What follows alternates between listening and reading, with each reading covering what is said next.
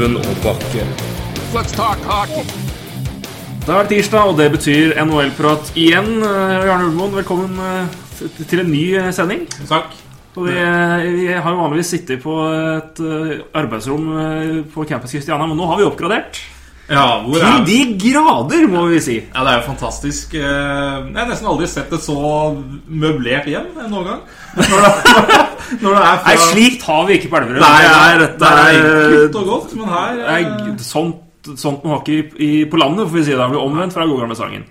Vi sitter nemlig hjemme hos en, en mann som eh, i disse dager sitter eh, oppe på natterstid og kommenterer tennis for Eurosport. Men eh, han er også kjent som alle for andre ting, nemlig som europamester i poker, og ikke minst ja. programleder for reisebyrået på eh, Var det TV6? Var det TV9? Kanal 9? Kan Er, er, altså, jeg syns det er fascinerende at det er det, det, er det som er. At, uh, re, reisebyrå, ja. Det, det, det, var uh, et fascinerende byeventyr. Sverre Krogh Sunde, velkommen, velkommen. Tusen hjertelig takk. Er veldig hyggelig å først ha deg her, og hyggelig at vi får komme hit til eh, ditt, din ringe bolig. Bare hyggelig. Jeg syns jo at å få lov å sette seg ned i stua og snakke hockey, det er, uh, det er en god dag for meg og min tilværelse. Altså, det er ikke så ofte kona kommer hjem og setter seg ned og sier at 'hør her, hva syns du om Kane nå?' Nei, det er eh, Vi leter vel alle, alle, alle etter den personen. Men eh, det er, vi, vi klarer oss fint uten nå. Men det eh, men det er jo Nei, det er, sånne samtaler er jo alltid fint, eh, fint å kunne ta. Selv om jeg har lært at hvis man virkelig skal innynde seg hos eh, sin utkårede, så ta det med på Madison Square Garden. Sørg for at man får en sånn eh, boxseat med mattilbud bak, og en skjerm hvor de klarer å følge pucken foran seg. Og, og så må man rekke nasjonalsangen. Fordi den, den står ganske bra i noe lysshow i forkant og sånne ting. Altså Selv fyrverkeri på Jordal funker som en alternativ. Nei, altså Hockey er slett ikke noe dårlig Nei, datekveld. nei, nei, enig. jeg, jeg opplevde det sjøl i februar. Altså, tok med dama på, til Madison Square Garden. New York Rangers Montreal Canadiens. Det var, eh, det, ble, det var så jævlig kjedelig kamp. Det ble 1-0 Montreal. da, Moro for meg. Men en utrolig kjedelig kamp for en, eh, for en som ikke følger hockey. da 1-0. Max Pacioretty med en sånn stusslig scoring fra blålinja. Jeg vet ikke eh, Men uansett, hun Neste gang vi skal til New York, skal vi tilbake og se hockey. Så. Altså, det er jeg helt enig med deg, Sverre. Det er helt nydelig. Ja, det er vakkert. Yes! Men vi skal eh, da eh, Grunnen til at du er her, eh, utover at det er veldig hyggelig, selvfølgelig, er jo at vi skal da ha Fantasy spesial. Litt forberedelse til fantasy-sesongen. Og da er det jo fint å ha med en, en som vi har valgt å kalle vår fantasy-ekspert. da Jeg fant den på byen i Stavanger òg. Ikke kødd engang. Ja, da, det var vel, da, da, da sto jeg på ene sida, og så sto Chris Kreider på andre og Derek Brassard i bakgrunnen. Og du valgte å gå bort og si hei til meg. Jeg synes det Ja, var gjorde det, jeg, så, jeg var så jævla utrygg på engelsken min da jeg begynte å fatte her, så da valgte jeg valgte han eh, Valgte jeg rett og slett deg, Sverre. Så eh, Nei, vi, må, vi skal da snakke fantasy, og vi skal med følge litt nyheter, men eh, vi kan jo nevne det at Krog, du har jo et, du har et veldig kjent familiemedlem. Du er jo, du er jo et, du er, du er en, en kjent sønn, vil jeg si. Ja, altså Jeg vokste opp med en mor som er sanger, og det, hun har et image som overhodet ikke tilsier at jeg skulle la meg fascinere verken av idrett eller i hvert fall ikke amerikansk idrett og hockey. Men eh, den, som, den som ga meg forkjærlighet for sport, og ikke minst ishockey, er faktisk vært moren min. Hun er en veldig ja, det, Du ler, du. Altså, hun, er mye mer rocka enn imaget skulle tilsi, og, og, og gjenkjenner kunst i alle dets former. Ja, nei, jeg så jo eh, det siste så Hun hadde, hadde, hadde, slekt, jeg hadde jo slektsprogrammet på NRK. Stemmer. Det var utrolig utrolig bra. Nei, men det er jo da Jeg, jeg ser deg hver jul prøve å finne julestjernen. Det er jo like, hyggelig. Og like Ja. morsomt hver gang at du går til høyre etter at sier første å gjøre etter sier jeg skal gå til venstre. Går til høyre. Det Det- er så gøy. Jeg så ikke det før i fjor, jeg. Du, jeg, At da må jeg gå til hjertesiden. og så går du til høyre. Første vi gjør, er jo så morsomt. Jeg, vet, jeg hadde egentlig ikke tenkt å nevne det her, for jeg visste egentlig ikke hvor stemninga kommer til å være. Men eh, det er rett og slett din mor. Jeg har aldri sagt det til noen, da. Men din mor er min barndomsforelskelse. Hun er så nydelig altså, når hun spiller en reise til utstjerne. Er hun 20 år der? Eh, Hun er s- Oi, 19, 18, 19, Ja. tror jeg. Jeg kan også si at jeg hadde også et veldig nært forhold til henne da jeg var liten. Ja, det, det, det håper jeg. det håper jeg, ja. Så mm, Nei, men eh, fra, fra koselig, Ja. koselig stemning til eh, Vi må jo følge opp noe som ikke er så veldig koselig igjen, og det er Patrick Kane. Eh, Det Du følte at det var naturlig? Også. Naturlig.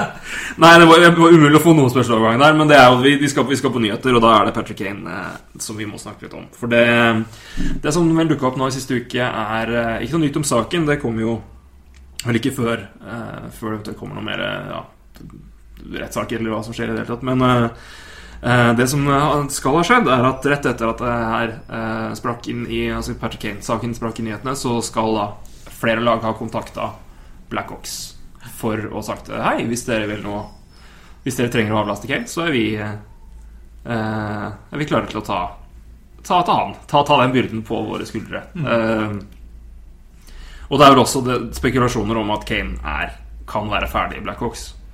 Han skal ha fått beskjed etter forrige tur ut, hvor det ikke gikk så bra, at her her, eh, altså Nå vet vi ikke hva som skjer, selvfølgelig. Det må vi, altså, vi gjentar det. Vi, ingen er dømt, ikke men det, uansett, det her er en, en ny det, er en- det er en ny sak, i hvert fall. Uh, og de, de fleste spekulerer i at han fikk beskjed sist at skjer det noe sånt en gang til, så er det ute. Uh, for ta først da Sverre, hva, hva syns du om hele Kane- Kane-saken og alt det som har skjedd rundt det? Ehm, først og fremst vil jeg si at jeg syns at eh, Kane er en av de mest motbydelige idrettsutøverne vi har. Jeg misliker han intenst. Altså, jeg, jeg, pleier å være ganske Jeg pleier å være ganske mild jeg, i formen jeg uttaler meg, og jeg liker karakterer, jeg liker typer. Kan godt være litt nonchalant og arrogante, men Patrick Kane er jo rett og slett bare ufyselig. Og den, det som jeg sitter og tenker på, er det som jeg koser meg ordentlig, jeg godter meg litt, er EA Sports. Som nå gikk ut med at Kane skulle være deres posterboy for NHL 16. Og det er nødt til å trekke den. Og det, det syns jeg er så vel fortjent. Men for å moderere litt her når det gjelder saken mot Kane, og det er det vi snakker om akkurat nå, der er vel kanskje uttalelsene mine foreløpig i hvert fall unntatt akkurat den saken. Fordi det skal legges til at det skjer, det skjer ting. Det er uttalelser som kanskje viser seg å være fiktive. Det er spesielle situasjoner. Eh, han har vært overstadig beruset på bunn og, og funnet på noe tull. Det i og for seg er jo en grunn til at Blackhawks kan sparke han. Og i hvert fall at dette var på, startet på en pub der han ikke oppførte seg, hvor han også skulle ha Stanley Cup bare noen dager senere. Ja. Men, men altså La, la, oss la, la oss eh, ta et forbehold her om at eh, Kane har gjort det han er uh, anklagd for. For det første syns jeg det er motbydelig andre klubber å skulle hente ham umiddelbart. Det er usjarmerende. Eh, det er eh, Det er Altså i hvert fall når risken er der, da må du ta Da må du legge i at ok, la oss si at det faktisk har skjedd. ja, det, er det, du- det, er må, det er det du må ta høyde for når du faktisk ringer og tar den telefonen, tenker jeg. Altså Jeg kjenner jo kontraargumentet godt. Dette er idrettsutøvere. De får betalt for jobben de gjør på isen. De får ikke betalt for den karakteren de skal være utenfor. Og det kan ikke være alle forunt å være et godt forbilde. Fair enough.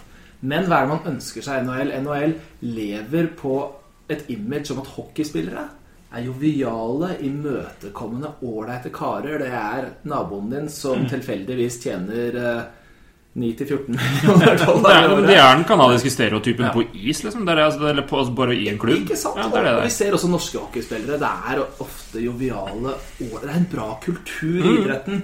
Ønsker man en NFL? Ønsker man den ligaen der eh, gjengen eh, nærmest befinner seg i drive-by shooting som mishandler dama si, eller Men i hvert fall altså, det, at det i hvert fall er stempelet. At det er det man at Dette er stempelet. Eller even worse, at de tar med seg en jente hjem og overgriper seg på dem.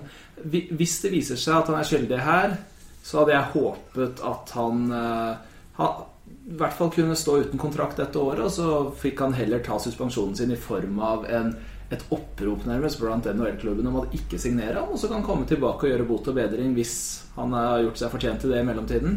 Og, og heller ta det den rekkefølgen. Det er bare feil på så mange plan, men vi lærte jo litt av Valamov-saken, hvor etter hvert, når flere og flere detaljer lekket, så viste det seg at uh, dette her handlet kanskje i stor grad om en uh, kjæreste som eh, ønsket å forbli i statene heller enn andre ting. Ja, og klubbene det var snakk om eh, som var ringt Som har ringt eh, Blackhawks, det er Montreal, Buffalo, Nashville, Boston og Florida. Sier ryktene, da. Eh, er det noen av de her som overrasker deg, Sverre? Jeg synes jo det er kanskje litt trist vil jeg si at Montreal er på ballen umiddelbart. Altså Her snakker vi om Le Club de Hockey, altså klubben som virkelig skal gå foran. Altså Det eneste fransk-kanadiske innslaget. Det er legendeklubben, det er dynastiet fra tidligere som Jeg liker å holde til ganske høye standarder. Altså, Ja, men vi, vi snakka om det sist, da vi var inne på om dynastier. Og da snakka vi annet om, om Montreal, selvfølgelig, for det, du kommer jo ikke unna verken Altså, det er flere dynastier der. Men litt om det at den posisjonen de har som tradisjonsklubben, og som tar vare på ting, altså er konservative på på en positiv måte. da For å si At de holder på sitt og er liksom tradisjonelt gode og er, står litt fram. Og det som sier at de tar den At de står da og banker på hvis det stemmer, er jo jeg er enig i at det er ganske overraskende. Jeg syns, også det er litt overraskende med Boston, hvor, som allerede står så laglig til for hugg hos mange av sine Ja. østkystmotstandere. Altså, jeg ser for meg Rangers-fansen eller eh, de andre i området rundt der hvis plutselig Bruin skulle møtt opp med Patrick Kane. Da, det er, det er, Ja, ja. du, blir, du, blir, du blir ganske forhatt, vil jeg tro, i en sånn setting. Ja, for det er også det, det poenget, og vi skal, vi skal ta det opp. Og det egentlig passer egentlig veldig bra eh, Bra segway over til neste mann, som er Slava Vojnov. Men bare liksom ta- ja, bare ett poeng til. Da. Altså, hvis, du skal forstå de klubbene her, så ringer det i hvert fall på det best tenkelige tidspunktet. Det er nå Patrick Kane har, har lavest verdi. Rett etter den eh, Altså med en gang etter det her har skjedd, eller kom ut i media, da. Så ringer det i hvert fall på korrekt tidspunkt.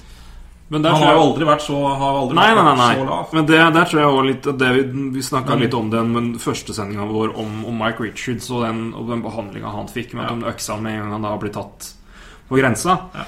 Og litt hvor skal du på en måte sette uh, Sette business framfor eh, Ja, hva skal vi kalle det? Etikk? Og, Nei, og hva er det som er greit? Og jeg tror der, der har nok vi i Norge, i hvert fall i idretten, en Ja. mer, kanskje litt mer squeaky clean image og tankegang enn man har i USA. For der er du vant til, i hvert fall gjennom å se på sånn som eh, I andre idretter, da, altså eksempelvis NFL, så er det flere tilfeller hvor altså, spillere dropper jo drafter, men flere spillere blir jo tatt med de har forskjellige ting på, på vi kaller det rulleblad. Eller altså de har i hvert fall Man er mer vant til det i USA, og du er vant til å ta mer Ta mer risikoer med tanke på litt shady karakterer. Nå klart at Iblant så smeller det noe veldig sånn som Aaron Hernandez og Patriots, hvis man husker det. Når altså, han ble dømt for mord for to år, for to år siden. En spiller som ble tatt, eh, tatt med rykte i draften, var veldig god, men som da nå ble, ble, ble dømt, dømt for mord. Um, så du har et Det er nok andre forvent... Det er, altså, det er en annen forventning om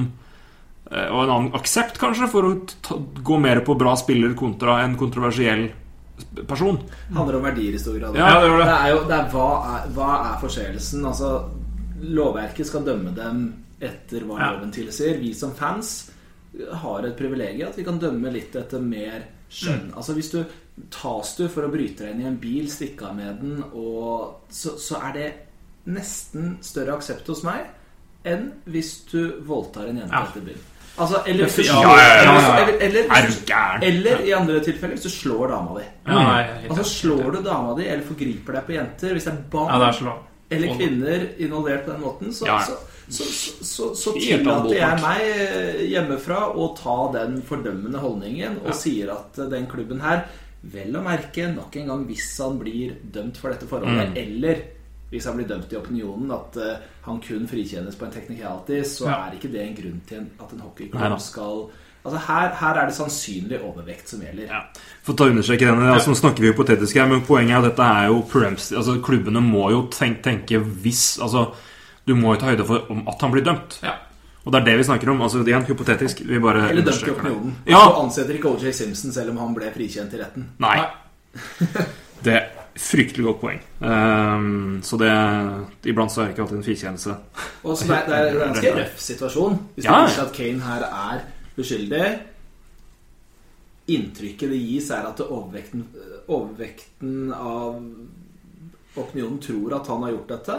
Da er han ferdig. Utrolig urettferdig. Men godt har jo point. satt seg selv i en posisjon som er helt krise til å begynne med. Ja. Ja, jeg Og det gjør han gang på gang. Altså, han Ja. setter seg sjøl i de situasjonene her. Jeg vil si det han Uansett, altså det, er- Jeg tror ikke det er at alle dømmer den, men jeg tror det er flere som dømmer den for han havner i en sånn situasjon igjen, og dermed sier at Uavhengig om du er skyldig eller ikke i dette her, men det er klart at han har, en såpass, han har gjort så mye dumt og så mye ja, usmakelig da, tidligere.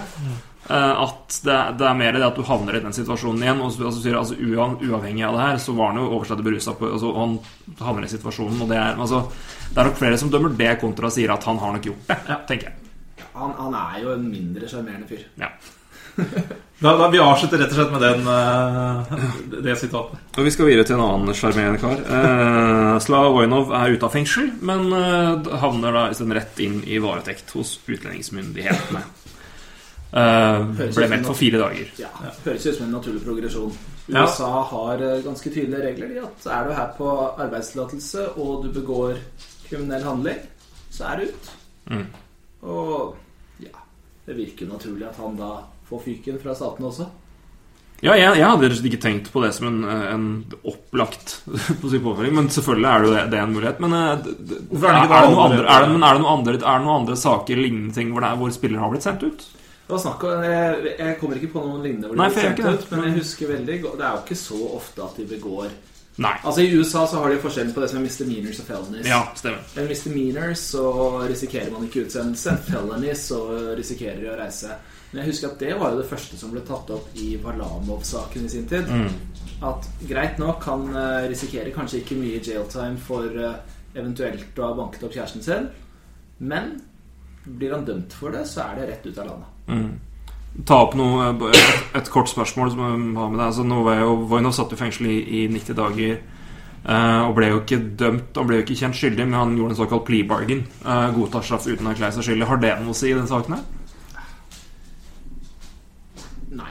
Nei. Har du Altså, det er en Det er en uh, teknisk greie. Altså, den ligger der ved at det, ved et sivilt søksmål, f.eks., så har du ikke allerede påtatt deg skyld. Den kan da føres fullt ut på nytt.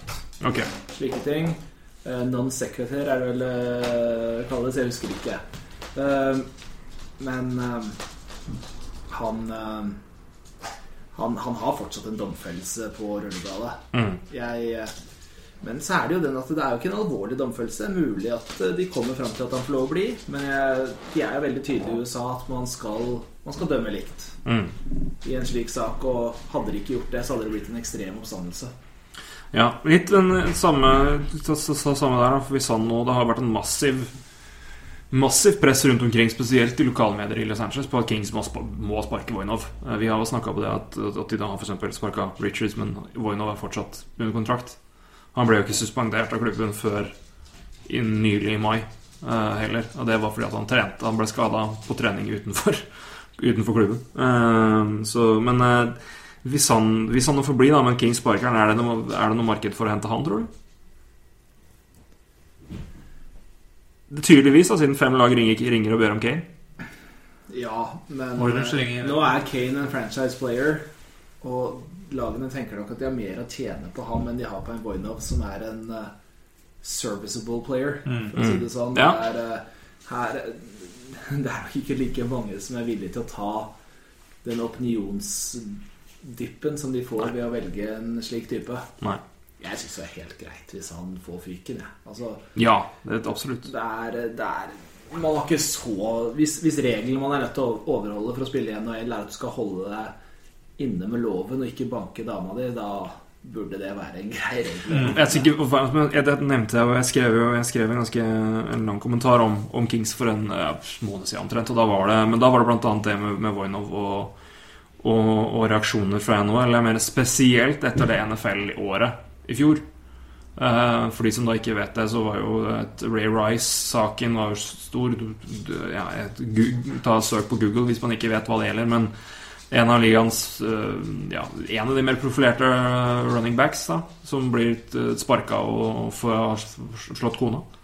Og, en og et, det, det satte i gang et skred og en, en åpenbar endring i, i, insti, altså i toleranse for sånne ting. Og det å ikke følge opp det igjen eller året etterpå ville vært helt feil, tenker jeg. Jeg, eh, jeg syns det er rart at eh, NFL har kanskje gått tilbake til å gi spillere sjansen igjen så tidlig, som har vært involvert i skandaler som de har gjort i år. Men uh, jeg, jeg ønsker ikke det av hockeysporten. Hockey har Nei. en posisjon som er helt annerledes. Ja. De har Kall det heldig. De har holdt seg unna de verste dopskandalene. De har uh, hatt et ganske bra image hele veien. Jeg tror, det er, jeg tror det er noe man er nødt til å etterstrebe for å beholde. For jeg tror det har vært med å redde hockey i litt vanskelige perioder tidligere for ishockey i USA.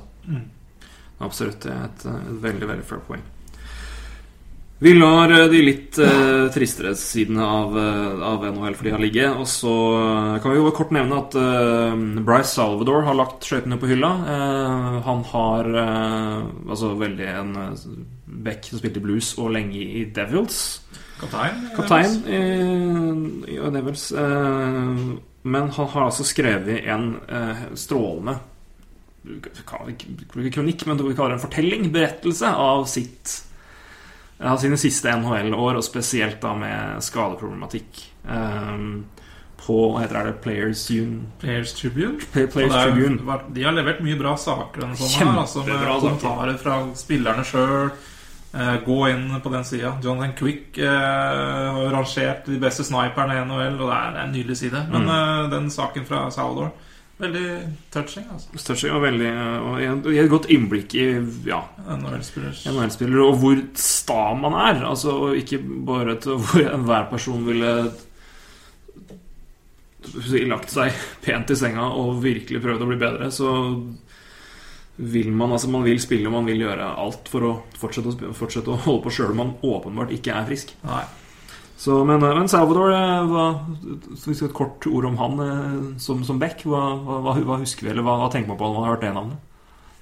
Jeg tenker på stabil, altså jeg syns han var en stabil type. Mm. Altså Jeg tenker på at han har hatt en fin karriere. Han vil nok ikke gå inn i historiebøkene som en av de jeg trekker frem i ettertid. Nei, nei, på Men, ingen måte. eh, Men eh, Men at han er en spiller som man husker, og Mm. tror de som hadde ham på sitt favorittlag, satte pris på han. Ja, jeg tror også sånn Bare en god, solid forsvarsspiller. Og det er faktisk i NHL er det et Det begynner å bli en spillere som er av høy verdi, altså. Selv om de får ikke mye fokus, men det er en god stay at home D-man. Altså Jeg kan si det sånn at jeg var henta inn som fantasy-ekspert i dag. Jeg, jeg, jeg, i, i, den rollen velger jeg å ikke ha for mye kommentarer om Salvador. Det er. Det er for så vidt et fair poeng. Og så kan vi nevne helt slutt da at uh, det rapporteres at Pittsburgh Penguins-eierne eh, da skal være på utkikk etter å selge klubben. Og har satt en prislapp på den klubben til 750 millioner dollar. Nei, det er ikke galskap. Er det det? Hvem i her... Nei, unnskyld, men hvem Nei, er det men som jeg, jeg, jeg vet ikke. Nei. Jeg kan si det sånn, jeg har en finansutdannelse opprinnelig. Ja. Jeg har ingen forutsetninger for å vite hva en NHL-klubb er verdt. Nei. Altså hvis man tar du, du snakker om La oss si, da, hypotetisk, inntjeningen til en NHL-klubb Det er et cap på eh, litt over 71, så vi kan gjette på at en godt drevet NHL-klubb, som vi antar at Pittsburgh er, med de at fans siste årene, det har gått relativt bra, selv om de choker hver eneste gang de er i contention. Si at den drar inn en 110 millioner dollar. Rent hypotetisk. Cap pluss utgifter pluss alt pluss personell og hele pakka. Kanskje utgifter på 85. Dette er igjen fullstendig hypotetiske tall. Men la oss si da en inntjening på 25 millioner dollar. 25 millioner dollar i en nullrentetilværelse. Som du kan gå i pluss per år, pluss at du har gjensalgsverdi senere. Kanskje dette er en grei investering for Business Management Group. De sitter der med sannsynligvis i hvert fall plusstall for investeringen sin. De kanskje ser verdien i at hockey er stigende i USA. Det er der investeringen gjøres på gjensalg senere. Det er vanskelig å, å i det hele tatt ha en formening om det er en høy eller lav pris. Det det er mulig å ha en formening om, er eh, hvor moro det er at en Flyers-blogg har starta en innsamlingsaksjon for å kjøpe Penguins. Det kan vi si noe om. Men jeg kan allerede si akkurat nå hvor mye Pittsburgh Penguins er verdt. Den Ja. er verdt 565 millioner dollar. Det er ifølge Forbes. Mm. Eh, De har hvert år rangeringa, eller de rangerer eh, verdiene til klubbene. Og den er altså da verdt 565 millioner dollar. Det er tiende mest verdifulle klubben i NHL. da Det er tre klubber som er verdt over 1 milliard. Det er Rangers, Montreal og eh, Toronto. Toronto, selvfølgelig. Og i så, Så- i så måte så, så er jo ikke 750 millioner dollar nødvendigvis et feil utgangspunkt. Legger seg litt over en ja. prising. Mm. Forsøker å starte en innledning for samtaler der. Jeg syns det høres ganske fair ut. Skal vi tenke på den nye medieavtalen også, som gjelder eh, Som betales i kanadiske dollar, er jo en bekymring i NHL om dagen. Eh, For dollaren i Canada, den er på vei ned. Og det betyr også mindre penger til klubbene. Mm. Så det er jo Eller at dollaren i USA er på vei opp. kan vi reagere. Ja, det er vel også Ja, det er kanskje ja, mer riktig. Men når eh, fortsatt eh, mediepengene betales i canadiske dollar, så er det et problem uansett. Det er jo en utfordring når du, når du snakker om så få kanadiske klubber som du har. Mm. at uh, hovedvekten er nødt til å forholde seg til uh, en kanadisk økonomi. At hovedsetet ligger i Toronto er veldig naturlig med tanke på hockeyens hverdag og hockeyens bakgrunn, men det, det skaper noen ganske gufne utfordringer. Det gjør det. Men eh, hvis vi går tilbake til eh, den litt morsomme biten her, da. Det er eh, som sagt Orange and the Black Pack fra Ashbrog har starta en innsamlingsaksjon på GoFundMe, som er da for å, prøve å kjøpe Pittsburgh Penguins. Eller The Worst Franchise in the League, som det. Er, eh, det, er, det, er, det er mye humor her, selvfølgelig. Det er, det husker jeg selvfølgelig ikke hvilken klubb det er, men det er én klubb i England som har gjort det samme tilsvarende og prøvd å samle inn penger til å kjøpe bl.a. Sterling og, og, og flere andre tidligere, med, og med helt strålende begrunnelser og, og hvorfor dette vil passe bra. Men, eh, så det minner litt om det, da. Eh, Men det, de har annet noen, noen mål da, hvis det her da skulle, skulle lykkes med det. Og det er annet at alle seter i Console Energy Center, altså hjemmearenaen til Pittsburgh Penguins, skal males oransje og svart. Eh, parkeringsplassene skal males oransje, og det skal være en Flyers- Flyers-logo på hver plass. Og min favoritt, det skal brukes farget tråd i, i nettet for, gi, for at det skal dannes bilde av en badeball i målet bak maken til André Fleury. Eh, men altså og eh, Jeg har en liten sak på det ute på nå, I går kveld så var det samla inn da 1300 dollar, så de, de mangler litt. Men eh, det som samles inn totalt, da, altså, det kommer til å gå da, til eh, Flyers Wives Charities. Og pengene som samles inn, går til veldedighet. Er vel det som er det, i bunn og grunn her. Men eh, jeg synes det er verdt å nevne, for det, var, det er flere, flere enn meg som har ledd godt av det, tror jeg. Jeg syns det er et herlig initiativ. Ja. Jeg, eh, det hadde jo vært så gøy hvis plutselig på en eller annen måte et sånt initiativ bare hadde tatt av fullstendig. Ja da, det er eh, spørsmål om 700 Jeg tror 750 er millioner. 750 mil, men det er uh... Men at, at, at en annen sånn ting ville, altså på et litt mer realistisk Ja. totalsum hadde gått i mål, det tror jeg hadde vært veldig morsomt. Men uh, da skal vi over til uh, fantasyens verden, eller uh, Ja, fantasyens verden, rett og slett. For det begynner jo sikkert å tikke mot litt fancy drafts og litt forskjellig rundt omkring. Og da er det jo greit å, å få litt råd og vink. Eh, men vi kan jo rett og slett begynne veldig basic for de som ikke helt vet hva vi snakker om. Hva er fantasy? Eh, tror jeg jeg tror slett. Er det da fantasy-eksperten som skal svare på det? Ja? Det skal du få til å svare på. Det. Altså, det er um, en samling spillere som produserer i NHL. Dette er ikke noe fantasiproduksjon, dette er reell produksjon på hver NHL-klubb. Hvor du samler sammen med et lag bestående av de spillerne du ønsker. Du drafter spillerne dine, eventuelt byr på dem i auksjon. Så sitter du da med et lag, eh, kan avgjøre hvor mange spillere det skal bestå av. Skårer de i NHL, får du poeng i ligaen din. Eh, Med visse, kan du spille med kategorier, f.eks. har de en hit, så får du poeng for det. Har du en blokk, så kan du få for det. Og om utvisningsminutter kan enten være en positiv eller en negativ, avhengig av hvordan man setter opp ligaen sin. På den måten så regnes det sammen en total, enten i form av kategorier du vinner, eller poeng du samler opp. Og så er det den med flest poeng i enten matcher mot en annen spiller eller totalt som går seirende ut. Altså, hvis man spiller Premier League Fantasy eller har spilt VG-ligaen i gamle dager med Ja. Tippeligaen, Eller så, to Tour-manager på TV2, for eksempel. Tourmanager på TV2, så har du en ganske god Ja. følelse rundt det. Det som skiller seg litt, er at eh, man har ikke lov å velge samme spiller som de andre i ligaen. Ja. Slik at man har sitt eget lag bestående av dine spillere. Og om f.eks. du har Zuccarello på laget ditt, og han har en kjempekamp, så er det du som nyter godt, ikke de andre. Og det er vel eh, min store eh, kjærlighet for den, den fan- fantasyformen som er da i NHL og NFL, da, som jeg spiller mest. Men, eh, men eh, det er noe med det at det er ikke Når f.eks. Torres hadde skåra hat trick i, Liverpool når du på fantasy, og ni av ti mann i Premier League-ligaen hadde han, så var det ikke så Det hadde ikke så mye å si. Kan jeg bare komme med et spørsmål når Ja. du snakker om draft og auksjon? For jeg regner med du har kanskje vært i spilt ligaer som har begge deler? Altså Som starta enten med en draft eller auksjon. Hva vil du si er morsomst eller best, eller Altså Jeg liker jo det som kalles en keeperliga. Altså At man tar vare på spillerne sine fra sesong til sesong. Mm. Eventuelt en dynastiliga. Eh, Her blir jo da draften hvor du u- henter nye spillere, gjerne da prospekter, tar dem inn og kan utvikle dem til å bli store. Det syns jeg er det beste aspektet ved ligaen. flere sesonger? altså Ja. Mm. Men det er jo veldig ofte slik at det er en kombinasjon av egenskaper som gjør at du presterer. Fordi at uh, veldig mange har da free agents i en slik keeperliga. Og da vil man by på dem kanskje separat fra talentene, eller sammen med dem i en samme gruppe. Så det er jo da Og vanligvis da i en Ja, det er jo da enten da keeper at du har det, eller så er det at man tar det opp og sier år for år. At man nullstiller. At man nullstiller eventuelt.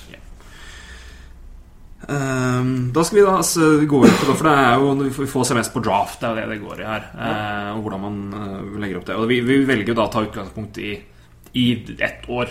Eh, vi, vi, tar, vi kommer sikkert til å snakke om begge deler her, men vi tar utgangspunkt i, i et, eh, en, en, en ettårsliga. Ja. Det var det vi har blitt enige om. Jeg syns jo at vi kan umiddelbart legge oss på et nivå hvor vi kanskje gjør det litt mer avansert, slik at de som spiller fantasiligaer, også kan få litt tilbake for kanskje våre tips. Våre Ja, ja, ja. Det kan vi også. Men vi Ja, det da vil eksperten ta føringa der, rett og slett.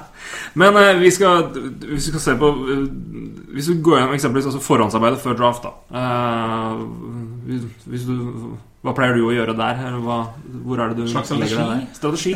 Altså, det, det skal være veldig ålreit er jo å sikte inn på hva slags Hvis du har en historikk i ligaen, tidligere år har spilt med samme gjengen, eventuelt se på andre ligaer, er hva slags spillere går tidlig, hvor går de, og hva burde jeg sikte meg inn etter hvor. Altså, det er jo ikke så lett når du setter deg ned her og vite ok, nå har det gått eh, syv forwards og to forsvarsspillere.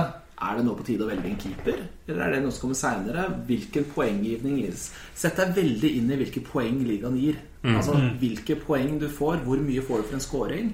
Får du f.eks. bonuspoeng om man har mye blokkeringer, utvisningsminutter Powerplay-poeng ja. Powerplay-poeng, slike ting. Så er det klart at du ønsker spillere som faller innenfor den kategorien. Det er ikke gitt at eh, Ben, som da var den mest scorende spilleren i fjorårets sesong, er den beste fantasy-spilleren i din liga. Så først og fremst, definer, definer hva du behøver. Etter at du har gjort det Det er også slik at mange fantasiligaer gir ekstra poeng til en forsvarsspiller som scorer mye. Her er interessant. La oss ta en type som Bufflin. Bufflin kan ofte være definert enten som en wingspiller eller som en forsvarsspiller som spiller begge posisjoner. Vil, ha- er det da mulig å bruke ham på en forsvarsplass når han fortsatt spiller wing? Nå skal det legges at akkurat Bufflin er jo et rart eksempel, for han skårer jo mer poeng som forsvarsspiller enn han gjør som wing. nesten. Ja, men han har, vel, han har vel primært spilt back i, i Winnerpeg, har han vel kanskje gjort. Men, Ja, primært. Men han er Men han jo en går. Burns, da. Bur- ja, Burns. Som er et kjempeeksempel der. Som eh, også produserer mye bedre når han spiller offensivt enn han gjør som back. Men kan han da plutselig brukes i en back-posisjon i fantasy-ligaen din? Da vil jo hans verdi skyte i himmelen hvis man har ekstrapoeng for skåringer fra en back. Altså Slike definisjoner er viktig å sette seg inn. Plutselig så blir Burns en topp ti-spiller som han velger i draften. Det er jo slik, Slike utfall kan man få. Og så har du hvor, hvor mye poeng får en keeper. Er det verdt å gå tidlig for å skaffe seg en av disse toppkeeperne? Eller er det noe du kan vente med til andre, tredje, fjerde, femte runde, for den saks skyld? Ja, for det er også sånn fascinerende, og det, det er jo også noe som varierer veldig fra, fra, fra liga til liga. Egentlig uansett om du spiller i en Altså med du kaller det fantasy-eksperter, vil jeg tro, og bare vanlige folk. Altså hva som går når. For det er jo Det kommer helt an på hva, hva altså, Man setter jo hele standarden. Hvis det vil si at det går en keeper tidlig, så vil jo da Hvis én velger en keeper, så begynner det kanskje da skredet å komme der. Eller hvis noen begynner å plukke f.eks. Erik Karlsson for å få den forspilleren tidlig, så vil jo det sette preg der. Eller, altså, for det varierer jo veldig fra, fra, fra liga til liga og folk til folk. Ja, så La oss si at man har 20 lag i ligaen, og man trenger to keepere per lag. Få det til gå rundt. Det er klart at det er ikke nok starting keepere i NHL til at du vil ha alle lag vil ha to toppkeepere. I så måte så må du ta en prioritering. Her vil keepere gå tidligere enn i en liga med 15 lag hvor man skal ha én keeper hver. Er det en, da er det Altså det er ikke forskjellen på å sitte med nummer 1 og 15, eller i hvert fall ikke nummer 5 og 15, så stor som den blir å sitte med nummer 15 og 40 i en eh, annen liga. Og, og Det er derfor det er så viktig å definere, og det er derfor du heller ikke får noe tydelige svar på internett. Hvis du søker Fantasy Help da, eller slike type ting på Google, så vil du få ideer, tanker rundt hva de synes kommer til å gå tidlig osv. Men du, det, vil alltid variere, avhengig av hvordan ligaen din er satt opp, og hvilken liga du spiller. For det er også, det er altså, fascinerende når du begynner, som sier at hvis du har eh, 20, 20, 20 lag og to, to keepere, så vil det jo være dras av keepere der, men samtidig vil det også være muligheten for å plukke ganske høye. Altså, hvis, hvis resten tar keepere, så vil det jo være ganske, et godt smørgassbord av, av spillere som kanskje vanligvis ville gått flere av tidlig, som du kan plukke da hvis du tør å være litt kald og, og gamble på at litt lavere statuskeepere kan gå der. Så det er jo en, det er jo en taktikk her på hva, hva, hva går du for. Vil du gamble, eller vil du gå imot resten her? Absolutt. Og si at noen ligaer har jeg jo sett hvor det til og med er like mange forsvarsspillere som, eh, som forwards, nesten. Og der blir det jo en situasjon hvor mange fortsatt velger da Crosby, Ovetsjkin, Ben osv. i starten. Men du ser at her kommer presset til å være størst på forsvarere etter hvert. Sikre deg gode forsvarere tidlig, og så vil det være en overflod av forwards. Der har du tanker. Altså, ok, kanskje mitt syvende valg eh, i første runde gjør seg best med å velge en type som PK Subhaan eller en ordentlig offensiv eh, back. Ok, vi kjører på der i stedet. Og så er det klart at du har andre typer. Altså Chara kan jo fortsatt ha kjempeverdi han i ligaer hvor selv om begynner å bli gammel nå, hvor det er en kombinasjon av hits, det er blocks, det er osv. osv.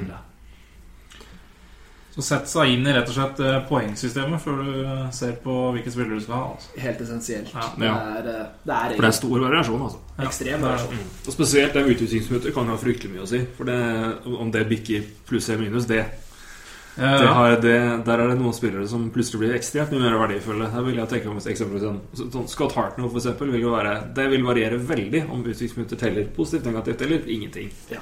Og visse spillere kan jo faktisk ha en kjempeverdi. Hvis du ser en type som Derek Dorsett, Ja. eller ikke minst Steve Downey Downey, ja. Altså Her har du en hockeyspiller som jeg syns er en god ishockeyspiller, men som er fullstendig skrudd i hodet. ja og ikke klarer å tenke det beste for laget for fem øre. Men han er jo en fantastisk fantasy-spiller når eh, penalty minutes er en positiv. Ja, Apropos utvisninger og fancy stats, da. Eh, hva syns du om eh, ligaer som Der utvisning teller positivt kontra negativt? Altså, Er ikke utvisning en negativ ting? Bør ikke det alltid da telle negativt? Altså sånn, jeg, jeg spiller jo en del fantasy-ligaer. Jeg Ja. elsker dette. Ja. Og de amerikanske jeg spiller i, så er alltid PIM, altså penalty minutes, det er en positiv aspekt. Ja. Men hovedligaen min det er jo for øvrig en meget spesiell liga. Hovedsakelig bestående av uh, hockeymediapersonligheter i dette landet. Roy Kvatningen som har satt den i gang. En ekstrem dynastiliga. Beklager, jeg digrerer, men jeg er nødt til å bare Ja, ja, ja. få litt insight her. Her snakker vi full NHL-setup. Vi har 23 spillere. Vi har fullt farmerlag. Vi har eh, et lønnstak som tilsvarer lønnstaket i NHL. Vi har kontraktslengder på gutta. Vi har entry level contracts, vi har restricted free agents. Vi har hele pakka. Altså drafter en spiller fra starten, og han går rett inn og spiller i NHL, så kan du egentlig sitte på han i åtte år. Mm. vi har offer sheets. og det er like Det er like stygt å stjele en spiller på offer sheet i vår liga som det er i NHL, vil jeg påstå. Åh. du, blir, eh, du blir hatet på julebordet, i hvert fall. og, og Jeg har sett regelboka deres. Den er, eh, den er ganske heftig, bare den. det er en 15-16 tettskrevne datasider. Ja. Og, og dette, her, dette her er en legendarisk god liga. Um, jeg, rett før sending så la jeg ut bilde av uh, pokalen, eller vandrepokalen, på Twitter. ja, det er ikke tilfeldig at den befant seg her. Nei, nei, det er vel ikke. Det var derfor Nei, vi vi, kom hit. vi, vi, vi velger da eksperter med, eh, til god grunn. Det var track record. Ja, ja. Uh, men her teller negativ. Uh, Utviklingsminutter som er negativ, men ikke femminuttere. Ja. Grunnen til det er at uh, vi kom fram til etter nøye, lange diskusjoner at en, er du en middels spiller på et lag som klarer å ta en offsetting fem minutter mot en god spiller på et motstanderlag, så er det en positiv jobb for laget ditt. Det skal ikke virke mot deg. Og det faller litt uheldig ut kanskje den ene gangen du pådrar deg en femminutter som ikke er offsetting, men det er så sjelden at den egentlig den faller vekk. To minutter, da, det er negativ. Ja. Eh, så Foretrekker du at det skal telle negativt? Altså Foretrekker du sånn som det er den ligaen du beskriver nå? Jeg er foretrekker det i ligasystemet vi har, fordi vi har lagd en liga som skal eh, Ja. etterligne NHL mest mulig. Ja. Og jeg synes det er viktig da at det skader å lage det. Men det, det, det, jeg sitter også med en følelse at det er et morsomt aspekt at det er en positiv i de ligaene hvor jeg er med, hvor dette skal være mer underholdningsbasert. Fordi at det er klart at det skaper jo litt ekstra spenning om plutselig han gærningen din på laget, han derre Downey eller uh, MacLeod for den saks skyld. For øvrig first star etter ikke å ha vært på isen i en kamp i fjor, var det ikke det? Han fikk vel til sammen 38 utvisningsminutter eller noe sånt. Eh, at det skal være match of the season, er jo også veldig gøy, da. Det skaper jo en greie. Jeg er generelt motstander av orkestrert slåssing i NHL, Ja. men, eh, men ser at det er et artig underholdningsbidrag. Ja. Mm. Det var det lange svaret. Vil du ha det korte Nei, jeg syns det, det var greit. Jeg er glad i lange svar, svar, altså. Nei, Det er det som er så heldig med å være hos Sverre. Han gir lange svar. det er sånn eksperter skal være, det. Men eh, hvis man ser på en en igjen, nå, nå, nå er det jo mange forskjellige Nå har vi snakka mye om altså, hvor mye variabler det kan være her. Men eh, hvis man skal ta en, eh, en første runde, da Og la oss si at du sitter på et femte, et femtevalg, hypotetisk sett, i en første runde. 20 lag. Hvilken, eh, hvilken spiller eller posisjon eh, i, i utgangspunktet vil du se for deg å ta da i en, i en vanlig liga? Da kan vi jo ta en liten mock draft for oss selv her. Ja. Hvem tar vi først? Vi tar eh, Ok, kanskje litt dårlig sesong i fjor. Vi tror på en rebound. Vi tar Sidney Crosby. Mm. Uh, nummer to, ok, Crosby er gone. Da tar jeg beste målskåreren i ligaen, som de ofte gir mye poeng. Vi kjører Ovetsjkin. Ja, han er vel også ranka som nummer én, ser jeg som regel her. Ja. Uh, Crosby er nummer to. Men det var fordi han hadde en litt svak sesong i fjor. Ja. Ikke sant? Dette varierer jo. Det er jo, det er jo her det kommer inn. Altså, det er jo ikke evnen til å lese tidligere statistikk. Det er evnen til å klare å omstille seg. Fordi at du vil alltid på disse sidene ha rangeringer som kanskje i stor grad tar utgangspunkt i forrige år. Ja. Ja. Kanskje et par år tilbake. Og si at her tenker jeg at nei, Crosby han hadde en sesong som eh, ikke helt falt på plass. Han hadde ikke noe Phil Kessel å spille pucken med. Altså, Nei. jeg tror at situasjonen nå tilsier at han er tilbake som verdens beste hockeyspiller. Vi kjører Crosby, så kjører vi Ovetsjkin. Ok, vi liker Altså, klarer Ben å fortsette det kjøret han hadde i fjor? Ja, vi kjører på. Så begynner det å bli litt mer eh, uffent her. Ok, Tarasenko han kan jo ikke bli dårligere enn i fjor. Eh, han er en ung gutt på vei oppover, 23 år gammel. Han er i full blomst. Vi kjører på, vi kjører han her, og så sitter du der. Så, og femtevalget er litt, kan være litt ekkelt der at du føler at de der aller største stjernene foran deg forsvinner. Altså Malkin er no-no, mener jeg her. Fordi, Fordi? at han underpresterer hver gang man velger han i Fantasy, og sånn er det bare. og, og det er også litt Altså det, det, Et viktig moment her er at det må være en som er hovedbidragsyter for laget ditt i stor grad. Det er så så mange altså Når du i tillegg da fem mot fem spiller en andrerekke Selv om dette varierer ganske kraftig i Pittsburgh, så kan det være litt guffent. Ok, vi må ha den utpregede stjerna på et lag. Hvem er det? Her sitter ikke jeg med noe godt svar, jeg. Men eh, Jeg tenker jo med en gang at det er tre, tre mann eh, som ligger der, eh, som ikke har gått. Og det er eh, Tavares, Stamkos og- Tyler Sigan. Ja, men her er vi på Her er jo min oppfatning at det der vi på Ok, vi kan ikke kalle det tier 2, Nei, men altså men- vi er på en tier 1B, da. Ja. Hvor, hvor de fire vi nevnte, kanskje er de naturlige. Kan jo nevne hva du mer legger i ordet team. Tier, så, altså en rangeringsgruppe, ja, ja. rett og slett. Vi kaller det klasse A, B, C, eller altså Ja. Vi kaller det det, da. Men altså er det nå på tide, kanskje avhengig av format, å tenke alternativt. Nå er den klasse 1A gone. Da var det forwards vi tenkte hele veien. Ok, hva da med Erik Karlsson? Er han gir en forsvarsspiller såpass mye poeng at dette er spilleren å gå for? Eh, Hvis du ikke tror på han, så, og så har du de som presterte altfor godt tidligere år. Er, kan Roman Haasi fortsette? Han er, holder deg langt unna på dette valget for øvrig, men det er en annen sak. Eller de gutta du nevnte tidligere. Altså Kanskje en Segwayen kan være en fin spiller å plukke her. Det er, eh, det er ganske åpent. Jeg tror personlig så ser jeg for meg at de fleste ligaer her så ville dette vært tidspunktet hvor jeg, hvis poengene favoriserte, at jeg hadde beveget meg vekk fra de eh, store og kanskje gått over til en annen posisjon. Mm. Er dette også tidspunktet hvor man skal ha Carey Price? Er det her må vi ha Lundqvist hvis det er han du foretrekker? Mm. Vanskelig spørsmål. Hvis vi kan holde oss på målvakter og ta den derfra, for det er vel kanskje det største spørsmålstegnet ved altså, For det er sånn posisjon hvor det er vanskelig altså, Hvor det er kanskje færrest gode å velge mellom. eh, fordi det, det, det, kort og greit er, er færre keepere å ta av. Um, hvis vi skal gå på en, en liten rangering der, da har jo Roy satt opp en liten oversikt. Så vidt jeg. Dette har jo du begynt å se på litt. Ja, jeg satt Så kan vi kan jo gå gjennom den, og så øh, kan jeg, kan jeg se på litt rankinger Ja. her. Jeg har jo noe å gjøre hvis jeg skal inn i en fantasy-liga. Så- Ja. Men ok, hvis vi, hvis vi går på tier 1 i målvaktsiden, da, Sverre. Hvis du er enig med meg at uh, i den gjengen så må, er selvfølgelig Price, Lundqvist og jeg har Volpi. Ikke Rask. Rask er i tier 2. Hva sier du om det? At jeg, jeg, jeg ser hvor du kommer fra. Du, du baserer det i stor grad på forrige sesong. Ja. Og at det er den Det er her man er nødt til å tenke kreativt. Hvor, hva blir situasjonen i år? Hvem har overprestert? Hvem har underprestert? ja. Og, og hva tror vi om videre utvikling? Altså Ja. Her kommer jo skillen inn i bildet. ja. Egenskaper på å klare å velge de spillerne som kommer til å slå til, og hvor forutsetningen ligger til rette. ja. Jeg, Jeg har hadde litt ikke tatt Holtby blant de tre. Nei. Men jeg vet at han har prestert som en uh, topp topp keeper, og han spiller massevis av kamper. Ville du tatt for eksempel en Pekkarine før Holtby i, i draften? Nei. Nei. Fordi? Eh, fordi at jeg eh, tror at eh, jeg, tror ikke så mye på Nashville som visse andre eksperter gjør. Mm. Det er, en tøff, det er en tøff serie i vest, og vi ser stadig at lag som plutselig tar et hopp opp, tar et hvileår ned. Mm. Nå skal det legges at Nashville har større styrker enn f.eks. Colorado Avalanche. Men vi så jo hvordan deres sophomore season på toppen der har gått nå. Men Nashville har vel også vært et lag som har vært ganske jevnt gode lenge. Altså De har vært i hvert fall Ja, ikke, er- ikke på Colorado-nivå. Ja, og de har jo defensiv.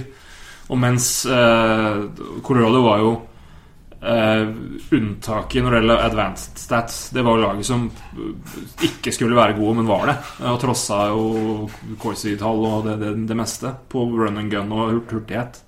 Men, eh, men Nashville vil vel ha, ha et bedre fundament å bygge på, da. Ja. Det, det avhenger litt også hva man rangerer på keeperne. Mm, Altså, nå, altså Rinne er en, Nashville er et lag som ofte får færre skudd mot seg enn mange andre klubber. Mm. Og Det er et veldig godt poeng. Ja, Det er veldig viktig å sette seg inn i de statistikkene der. Men hvem ville du, hvem, hvilken keeper ville du valgt først? Jeg ville tatt Lundqvist. Og i første runde? Eller du, det er liksom det vi har kommet det varierer helt varierer. lenge. Det er veldig sjelden jeg tar keeper i første. Jeg er vanligvis den som sitter igjen med sånn 15. valg. Ja. Men eh, jeg ville tatt Lundqvist fordi at han er det sikre valget. Det konvensjonelle og sikre valget. Keri Price er også et veldig sikkert valg. Men, ja, Men, tar... men i fjor så ville vi jo påstått at Tuka Rask var et veldig sikkert valg. Ja, det var jo det. Han hadde jo Han er jo der Holtby Han vi snakker om Holtby nå, så var jo Rask der i fjor. Ja. Mm. Og det er, det er sånn det snur. Og det, er vel, det har vel ikke vært en mållag som har vunnet ved siden av to år på rad siden Team Thomas, eller? Jeg tror at jeg ville hatt Lundqvist og Price i en egen liga på topp. Her tror jeg at du er i god shape. Ja. Etter det så syns jeg det er så mange som eh, rangerer at her vil jeg kanskje tillate meg å vente litt på neste keeperen. Mm. Og ved, til det skredet begynner å gå. Det er klart at da er Holtby en eh, veldig aktuell fyr. Hold deg langt unna Niemi og Lehtonen så lenge Ja. du kan. Det er en livsfarlig keepersituasjon. Jeg tror faktisk at Niemi kommer til å få starting bid først der, men det kommer til å bli så lite kamper på dem at det er mm. Og der er det jo flere. Du har jo St. Louis også, har jo den eh, med Alan og Elliot. Og Ja. der er det jo flere Mm. Og slike situasjoner er gufne. Ja. Der du kan risikere rett og slett eh, færre kamper, altså, for keeperen. Ja. Og så er det Ben Bishop, da, som nå så ut til å være en stabil, god keeper. Får massevis av seire. Han får en god redningsprosent. Han, men han hadde jo kjempekonkurranse fra Vasilevskij. Vasilevskij har nå Ja. fått eh, helsetrøbbel. Mm. Og er i hvert fall ute to første månedene i sesongen. og Ja, pluss- jeg tror vel mange var regnet med tre. Ja. Men det, det er vel man Det er ikke sjelden man kommer tilbake før tid. Altså to-tre. Og i så si måte så har jo da verdien hans økt kraftig siste uka. Ja. Det, Definitivt. og han har vel også hatt et forsvar foran seg som må ha bygd Bygd seg opp i, i både skill og, og, og ferdigheter de siste åra. Men jeg vet hvilke keepere jeg ville sikta inn på. Ja. Eh, Jeg ville sikta inn på Luongo. Han tror jeg kommer til å falle ganske dypt i mange drafts. Jeg tror at Florida er et bedre lag. Jeg tror Luongo fortsatt holder koken. Han får massevis av skudd mot seg, har en bra redningsprosent, plukker opp nok wins. Mm. Og rett og slett, jeg tror han blir en stil for veldig mange. Og jeg ville tatt en skikkelig risk og gått for Valanov. Mm. Fordi jeg tror han også kommer til å falle såpass dypt i draftene. Og det er jo en keeper som tar mye skudd. Mye Eh, skudd. Han er en god keeper. Mm. Han, jeg tror Her er et punkt hvor jeg er veldig uenig med mange andre, men jeg tror Colorado kommer til å bli et bedre lag. Mm. Hvorvidt det kommer til playoff, det er jeg usikker på. Men jeg tror de kommer til å bli et mye bedre ishockeylag. Mm. Men det er også eh, Han, han eh, andrekeeperen i Colado kom inn i fjor, han Picard. Han, fikk, en sto ganske brukbart, han også. Ja, men han er en andrekeeper. Ja, det er det jo. Men eh, Nei, han, jeg kan, han kan ta flere kamper fra Varano. Ja, men Jeg tror ikke han kommer til å stjele kamper. Nei. Jeg tror han kommer til å være der som en backup og spille kanskje andre delen av en back-to-back. -back, Men jeg, jeg ser ingen fare i at Varano kommer til å få Og det er vel egentlig et kjempepoeng. Kanskje gå gjennom, uh, gå gjennom terminlista di. Ja. Altså til ulike klubber. Se hvor mange back-to-back-kamper klubben din har. For det kan variere ganske mye, Mm. så jeg. Og det er også et eh, aspekt som, eh, som er veldig viktig for spillere ute på isen også, eller alle er på isen for så vidt, men utespillere. Hvor um, lag som spiller mange kamper på det som generelt kalles off-days, altså dager hvor færre av lagene er i aksjon, Mm. er kjempepositive. Fordi at veldig ofte så har du benkespillere, og da har du muligheten til å ha færrest mulig spillende benkespillere. Mm. Altså slik at Hvis alle spiller på én dag, så er du nødt til å ha tre spillende spillere som ikke er på isen. Mm. Hvis du har mange spillere som spiller på off-days, så jevner du ut dette, og du klarer å stille med alle spillerne dine til enhver tid. Ja. Og det er mye, det, er- det er mye elementer å ta med inn her, altså. Jeg tror også veldig på Bobro- Bobrovskij. Ja. Ja. Blue Jackets er et lag i fremgang. Det er fortsatt ungt. De, er, de gjør det litt i det stille. Det er ikke det laget det blir snakket mest om. Når man ser på laget, så tenker men er dette så bra, da? Men de har bevist at de er det. Med den spillergruppa de har der, så er de et veldig bra ishockeylag. De har eh, vel, De har mange spillere som produserer godt, men som kanskje ikke har den stjerneverdien. Og, og Bobrovskij har vi også vist seg faktisk med et veldig sikkert kort. Ja da. Er, han, eh, han har vist det potensialet, i hvert fall. På topp topp, nivå i Stjeler mye heller. Nei, det tror jeg ikke er så farlig. Men han Borowski viste jo det toppnivået i Philadelphia. Men, eh, men det var vel jevnheten som mangla der. Eh, Og den har han jo funnet med glans i, i, i Columbus. Jeg har en keeper som jeg tror eh, bedre om enn veldig mange andre. Det er Dubnik. Ja, det skulle vi også komme inn på her. Dubnik han kommer tilbake nå fra en kjempesesong. Han har jo vært innom flere klubber enn eh, de fleste har en karriere i løpet av en kort tid. Men eh, han Grunnen til at jeg tror på Dubnik, er fordi at han har hatt en eh, endring i sin teknikk som har gitt seg utslag i bedre keeperspill. Altså Han var jo en bust tidligere i karrieren og ble sett på som et talent som aldri kom til å slå ordentlig gjennom Ja. endret på, endret på teknikken sin og vist seg som en kjempekeeper på bakgrunn av fysiske endringer. Ikke noe mindframe eller god steam eller slike ting. Han er bare blitt en god keeper. Jeg tror det kommer til å opprettholdes. Hvis han faller fordi folk er redd for ham, så hadde det vært en bra option, syns jeg. Og vi snakket om Varlamov. Det er altså en keeper som ble bedre da han fikk eh, ordentlig keepertrening. Og hos han handlet det i stor grad om eh, fysisk form, orke å holde den snappen høyere til enhver tid og kaste seg under Roa sitt regime, egentlig. Men eh, veldig kort, hvilke, hvilke, hvilke endringer er det du ser hos, hos Dudnik, hvis, det- hvis det er noe som kan trekkes fram der? Jeg er ikke flink nok. Er ikke flink. Nei, altså, jeg, når det gjelder, altså jeg jeg er rett og slett ikke flink nok til å gå i dybden. Mm. Ja, men den våren han hadde, er jo helt rå. Han, hadde jo han spilte jo 35 kamper siden All-Star-breaken. 25 seire 93,9% redningsprosent. Altså, det er helt vilt. Og så er Minnesota et fantastisk lag. Du, du er nødt til å ta høyde for lagene gutta spiller på. Ja. Minnesota tillater mange skudd fra ufarlige posisjoner. Noe som er kjempepositivt for en keeper. De plukker opp ganske bra med seire. Mm. Og de er et, øh, et godt forsvarslag. Nå har vi jo nevnt eh, egentlig stort sett Nå har jeg satt altså, inn i en tier 2 og sånn, men jeg skal ikke snakke så veldig mye om det. Men det er, du har jo mange i den trea. Altså Craig Anderson, tror jeg han kommer han til å stå Han fikk jo Da vil jeg jo si at det mer naturlige spørsmålet i senter er hva med Andrew Hammond? Ja, det er, spør, det er spørsmålet, da. Ikke Hammond. Nei. Fordi Anderson er førstekeeper. Ja. Problemet er at han er så tett på Hammond at hvis Anderson har en liten dårlig periode, så kan han riske å bli benka. Det er en situasjon som kan snu. Uh, Pavlec er livsfarlig. Han må man jo holde seg unna. rett og slett. Han har jeg pott seks, altså hold deg langt unna. Ja. Uh, Cam Ward Cam Ward må holder seg holde seg så langt unna som overhodet mulig. Eh, jeg stoler ikke Ramo Ja. Ja, Ramo Og Hiller skulle jeg si egentlig der. Ja. Jeg anser Hiller som eh, den som kommer til å stjele førsteplassen der. mm. Og jeg, jeg stoler heller ikke på Corey Crawford. Jeg Nei. tror, Nei. Anta, antallet kamper han får ja, jeg tror Crawford kommer til å være den keeperen som går høyest. uh, Ja. Sammenlignet med hvilken risk han faktisk innehar. Mm. Så er vi jo tilbake til Chicago. Jeg, jeg vet ikke hva jeg synes og, altså, Det skal bli interessant å se hvordan Chicago presterer uten eventuelt Kane. Ja. Det er et annet ishockeylag, altså. Det er det. Men eh, jeg kan jo si at Chicago har mange potensielle steals. Ja. Mm. Hvis vi går ser litt på det eh, Nå har vi gått, godt gjennom keepere. Vi har vel omtrent Ja, hele ligaen. Men har, jeg synes eh, også det er interessant at keepersituasjonen i Detroit også er jo Ja på samme måte som eh, Altså, Og så har du også problematikken i forhold til fantasy. Det er mange keepere som jo er gode, men som hvis ikke er gode fantasy-keepere, eller som har veldig bra, veldig bra tall. ja, Mason, eksempelvis. Mason nei, har jo, hvis du ser på statsen hans i fjor, i hvert fall bare Han har to 92,8 i redningsprosent og 18 seire. Nei, helt sjukt. Og Smith. Ja, Smith, da. så det er også noe å ta inn her. Altså, hva, en ting er hva det, hvor, hvor- gode de er, sett, men en annen hvilken verdi får du ut av det i, i en fantasy-setting. Men da er det å se på hva, hva får du betalt for keeperspill. Men det er gøy med Mark, Mark Smith. Han ble, jo, han ble jo dritgod, rett og slett, når Dubnik forsvant. Ja. Han hadde 92 etter Rolls-Royce-breaket. 88,7 før. Ja, Han, men han hadde sju seire begge altså før og etter. Men ja. uh, likevel, det er jo Her har vi en interessant situasjon. La oss si Mason, som jeg syns er en veldig bra keeper. Beklager, det ble litt mer keeper her. Nei, men det, dette er Keeper er keeper, keeper er altså. keeper, tror jeg mange er veldig glad for at du snakker om. Altså. Keeper er keeper. Ok. Jeg syns jo at uh, Som sagt, Mason er en veldig bra ishockeykeeper. Veldig god. Jeg syns han er en bedre ishockeykeeper enn Fredrik Andersen. Mm.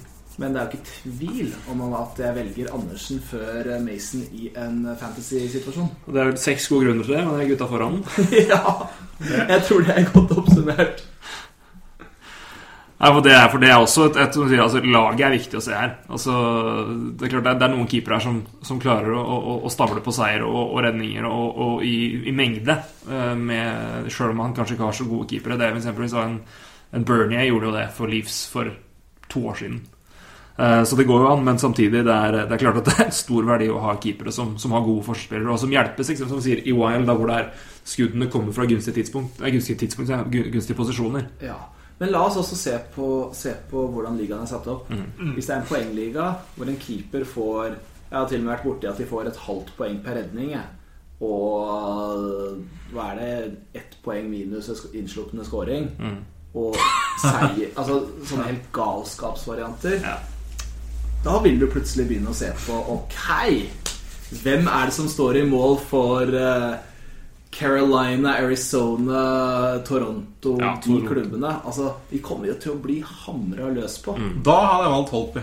Ja, Som spiller da 73 kamper, og da Hvem er det som leder i saves, ja? Ja, det tror jeg er Holtby. Skal vi ta et interessant prosjekt her? Bare se hvem som hadde flest redninger i fjor. Ja, det er Holtby. Som du sier, Holtby. 2033. Og nummer to av Eh, oi, det er eh, Vent, Det er vanskelig. se. Ah, hvem har nest mest redninger? Ah, tipper Schneider. Det er, han, er, han er nummer tre. Ja. Det er, det vi er, eh, skal jeg ta et kjapt topp, topp fem her. Eh, Braden Holtby Du har lista? Han har lista. Du har lista, ja? Så du hadde den, ja. Ja, nei da, det går fint. Det er bare en, en keeper som vi har glemt å snakke om, som jeg syns det hadde vært gøy å ta en liten prat om. Nei, ja, ja, ja. Hvem er det? Hvem er det? Ah, Roy sitter fast, han du, Torgrim. Hvem tenker du på nå? Hvem som er nummer to i antall redninger i Ja, ja, Tuka Rask, ja. Tuka Rask. Ja, og han eh, Vepsen. spiller jo i Vepsen. Han spiller jo med et rødtid-lag òg.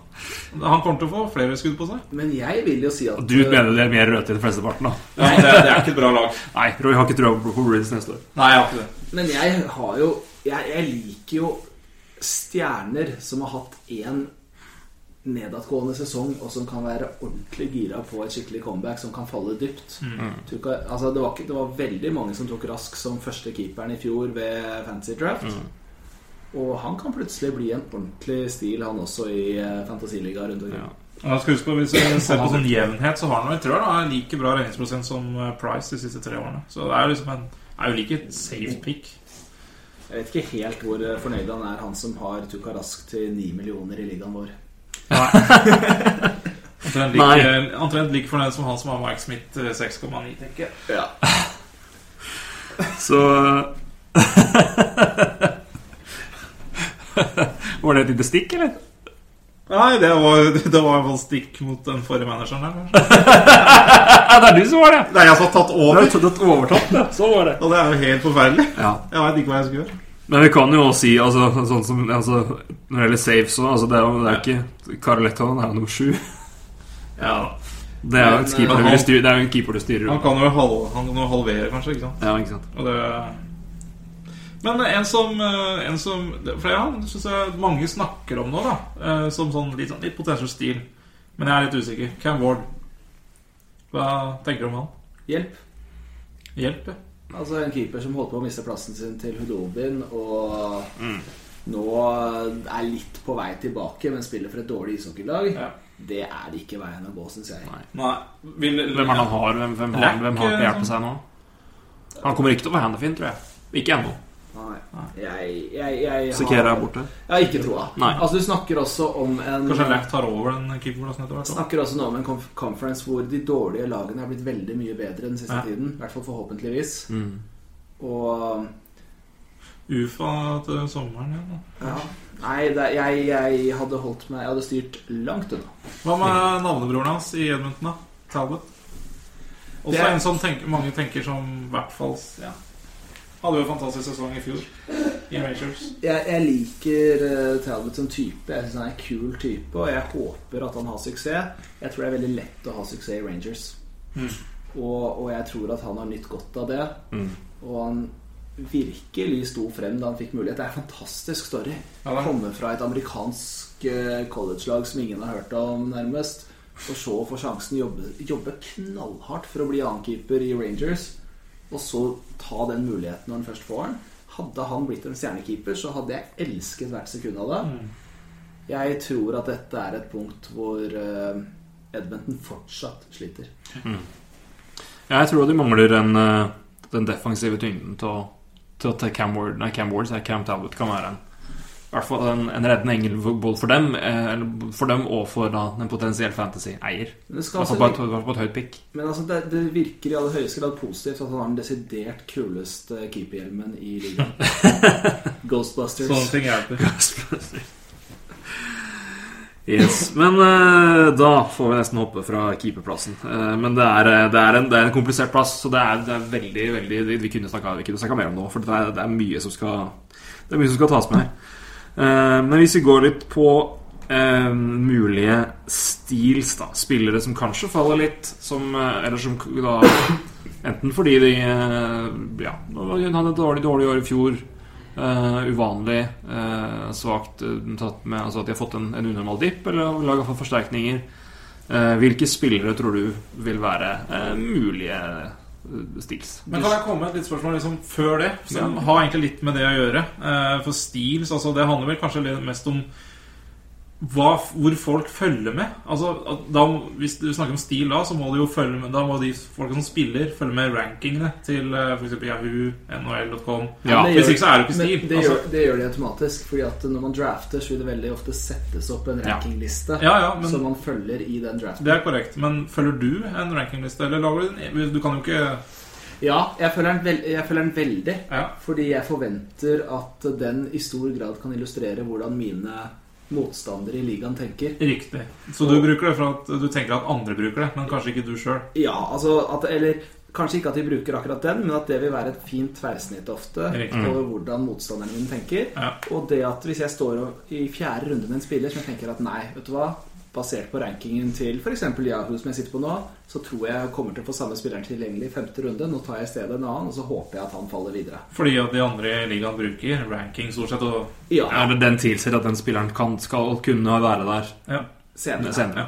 Så det, det er nok kanskje min tilnærming til de rankingene. Ja. Jeg, du har jo også muligheten til å sette opp din egen rangering på de fleste av disse sidene. Ja. Det anbefaler jeg folk å gjøre. Det gir en ganske, det gir en ganske Man mister fort kontrollen når ting setter i gang der, Ja. og det er veldig vanskelig å sitte med separate lister og slike ting. Så sett den opp. Men du snakket om hvilken spiller Ja. som jeg anser som eh, en ordentlig stil. Matt Duchene. Matt Duchene? Mm. Jeg tror Duchene er eh, en man virkelig skal se opp for i år. Jeg har allerede eh, gått på og sagt at jeg tror at Colorado kommer til å prestere bedre enn de har gjort tidligere. Mm. han syns jeg er en kjempespiller. Men et annet aspekt da, som vi kanskje ikke har snakket så mye om ennå, er jo sånne tillegg... Altså Noen spillere kan jo være negative i visse format. Noen ligaer opererer f.eks. med en eh, dropp-prosent. Mm. Mm. Altså Der er det jo vanskelig plutselig å ha en dårlig droppe, selv om man produserer bra ellers. Slike typer forutsetninger.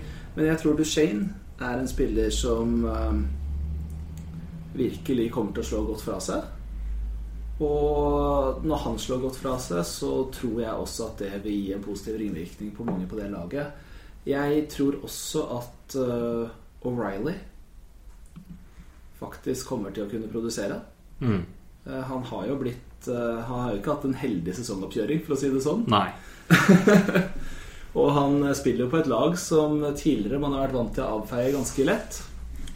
Men der har det blitt brått bedre på kort tid. Brått bedre på kort tid. Jeg, jeg tror at han kan gjøre det godt, men dette, nå snakker vi ikke Duchene-nivåer. Men et, et, et poeng å ta med med O'Reilly er jo at han vil jo også være veldig veldig, veldig verdifull i en liga hvor det er minus for utvisningsminutter. For han blir jo knapt utvist. Ja, kjempepoeng. Og det, det er med å stille positivt. Jeg har i hvert fall tatt en sjanse på han hos oss. Um, jeg merker at det er veldig rart her. Jeg sitter med mye Colorado. Det er nok det at de underpresterte i fjor som gjør at eh, så mye kommer inn. Eh, Jeg har eh, veldig troa på Men nå var jo ikke han noen dårlig spiller i fjor i det hele tatt. Men jeg tror ikke Tyson Berry kommer til å stoppe opp. Nei. Mm. Eh, tror at han er en meget fin spiller å ha med seg.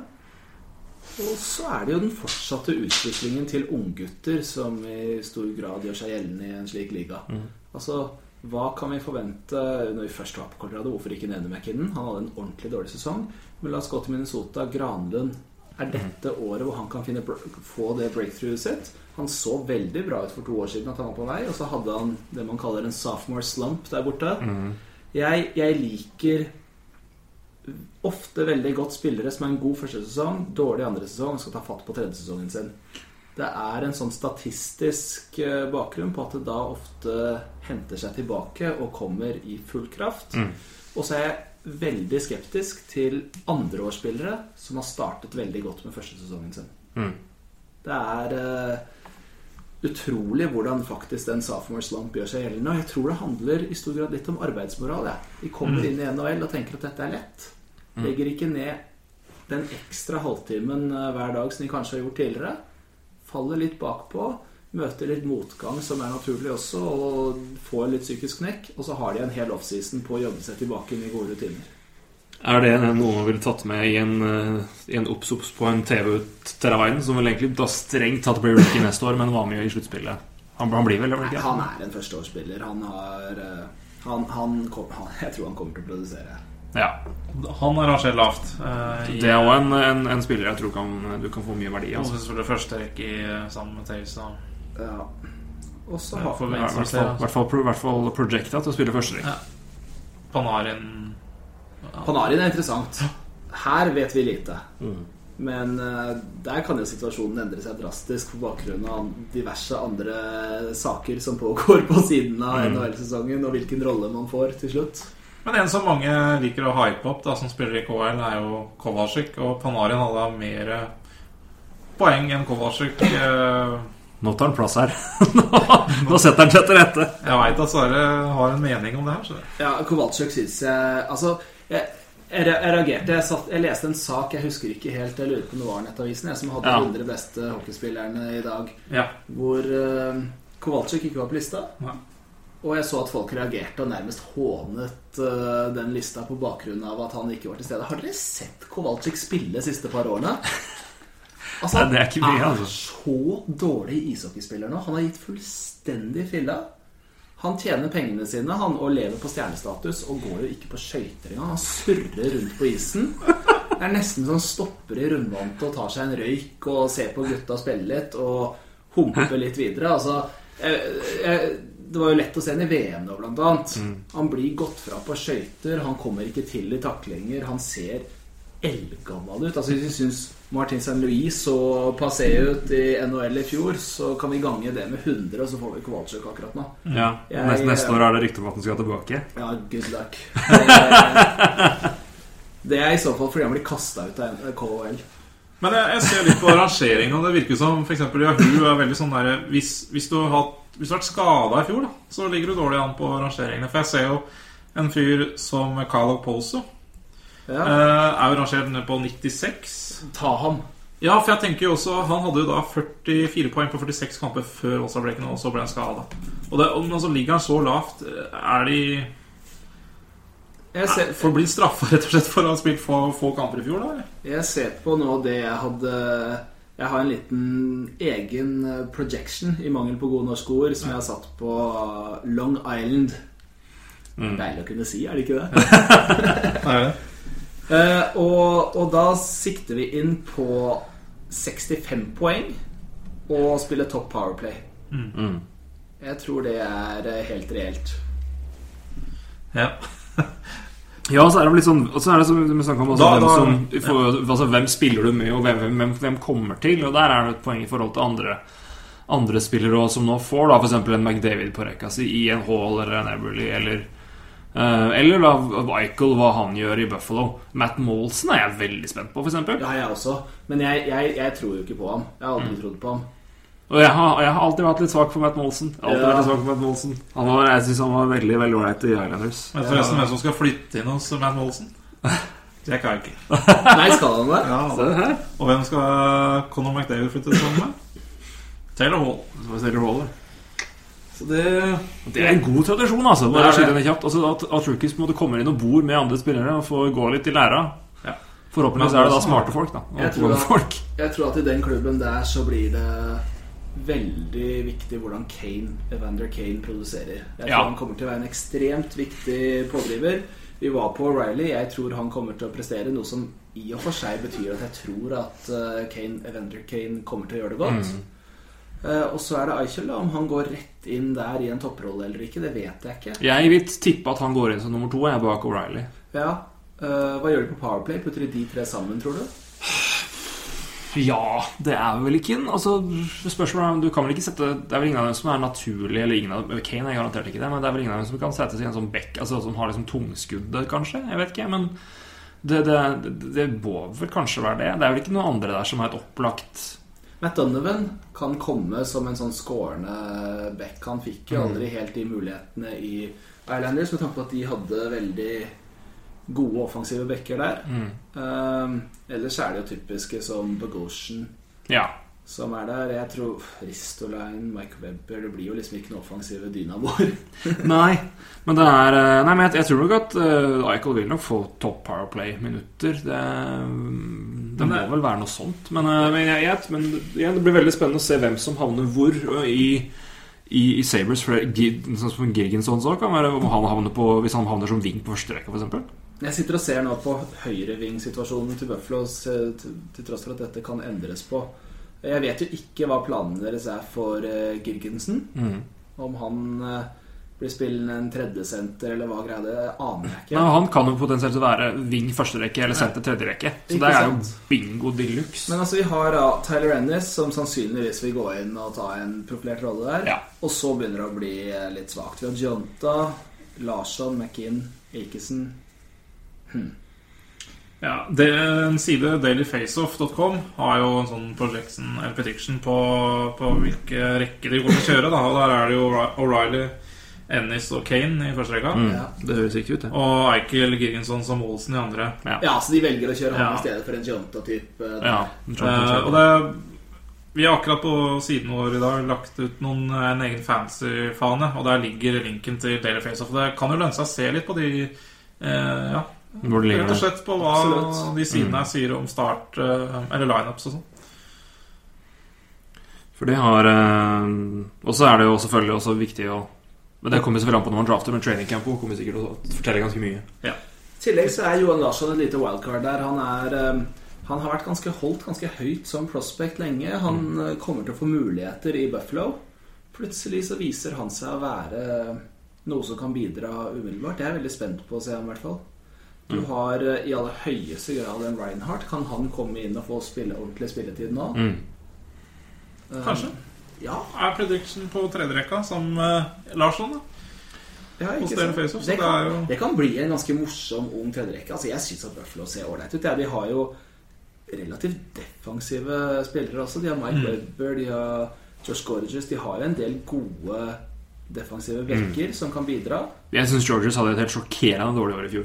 Ja. Så han, han kan umulig være så crap defensivt et år til. Nei, det, Det, han syns jeg rett og slett var meget, meget god i, i Montreal. Ja, da, det, ja definitivt. Så øh, jeg kan ikke fatte og begripe at han skal ha et så dårlig år igjen. Så det, det er et lag som jeg tror vil bli bedre defensivt rent altså automatisk. At det, de, de kan ikke Altså, det kan gå én av én det er oppover. Og de, hadde noen, unge- og de har noen unge backer også som er blitt, blitt år eldre. Det blir nok ikke playoff på den gjengen. Nei, det tror jeg ikke. Men uh, så ille blir det nok ikke. Altså. Nei. Det blir et morsomt lag å følge med. føler jeg. Ja, jeg, jeg gleder meg til å se dem spille. Ja. Eh, litt samme måte som jeg gledet meg til å se Calgary spille i fjor. Jeg syns det har vært gøy å se Florida spille. Altså jeg, det er gøy når disse rebuild-lagene setter i gang. Mm. Det var fantastisk med Calgary som faktisk tok seg til playoff. Ja. Helt Ja. utrolig. Apropos Calgary, og, og en spiller der som vi ikke har nevnt, men som er også sånn eh, burn eh, Potensiell burn og høyt rangert. Giri Hudler. Hvor uh... Ja. Jeg tror på Iri Du tror på Giri Hudler? Ja. Det er ikke noe, det er, det er ikke noe advarseltrekant Nei, men altså, hva er det han spiller med da? Altså, Mm. Du har eh, jeg, har jeg har mindre troen faktisk på Johnny Godreau. Jeg tror han kan få litt trøbbel jeg, nå i denne sesongen, og så komme tilbake senere. Motspillere er mer klar over han. Han har den andreårssesongen vi snakker om. Um, så har du en type som Sean Monahan, som er så safe. Han er hva er det de kaller det? Den herlige Twitter-kontoen 'Boring Sean Monahan'. Altså Jeg føler at uh, det oppsummerer også stilen hans i en viss grad, da. Med at han er Han er mye mer solid hele veien. Men Gaudreau er one trick pony. Han er en offensiv dynamo. Mm. Som uh, jeg tror kan få trøbbel. Men de har jo så herlige forsvarsspillere i Calgary. Offensive, morsomme forsvarsspillere som uh, driver ganske mye der. Ja da, det er mye Det er et artig lag, altså. Men jeg ser nå Hudler er faktisk rangert ganske lavt ned. Jeg trodde han var rangert høyere, men han er faktisk 86, altså. Ja, men, Men det er ikke- men det er- men altså hvis du regner hva 86 betyr Mm. Altså Hvis det er 30 NHL-lag, Mm. så Ja, ja, ja. sier det at han er topp tre i, i snitt i en NHL-klubb. Men, eh, men og det, er ikke, det, er ikke, det er ikke dårlig, men, altså, som en som, men i forhold til det han produserte i fjor, Ja. som var i poeng hvor han var høyt, høyt opp, så så altså, det, er jo ikke, er ikke rart. Men jeg, det, det, det, det er en spiller som Jeg vet ikke, jeg tror kanskje det er en spiller som kommer til å variere litt hvor, hvor, hvor høyt og lavt han går. Og. Og så er det hvilken, hvilken rolle kommer Sam Bennett til å spille. Mm. Er han en spiller som går rett inn? Det var jo Altså, det beste som har skjedd Sam Bennett, tror jeg var å ikke kunne spille i fjor. Han kommer Altså, han var jo Han ble jo Han datt til draften. Han ble rett og slett latterliggjort fordi han ikke klarte å ta en eneste pull-up på Prospect Camp i fjor. Eh, Det som skjer, er at når han går ned, så i stedet for å sende han til en eller annen tilfeldig rehab, så tok de ham inn til Calgary. Være med klubben, gjennomgå fysiske regime til eh, Flames. For at han her skal vi ha i en god fysisk form. Og jeg tror han kan høste fruktene av det i år. Og jeg tror slett ikke at det var en eh, negativ for eh, Sam Bennett. Det ene jeg bare ser helt rangert fryktelig høyt, iallfall i mine ja, mitt hue, det er jo Van, Van Rienstijk har jo da en 45 på Yahoo. Ja, Det høres skandaløst Det, er, det kan da ikke stemme. I et forferdelig lag og minus 33 i fjor, og det er jo Og uten Phil Castle. Ja, nei. Det, For det skal vi si om en Phil Ja, Castle. Det er en undervurdert playmaker. Han scorer mål, men han har, han har også ekstremt uh, mye inn- innvirkning på lagkameraters poengproduksjon. ja. Men når vi sitter og ser på Toronto. Hvem i alle dager skal produsere poeng der? Noen må gjøre det. Det er alltid én spiller som har produsert noe. Kadri bør ha et bra år. For, for Ja, sin egen del. På, altså, I forhold til minutter og kontrakt, så vil han produsere Men har ikke. Kadri nå bevist at han er en bust?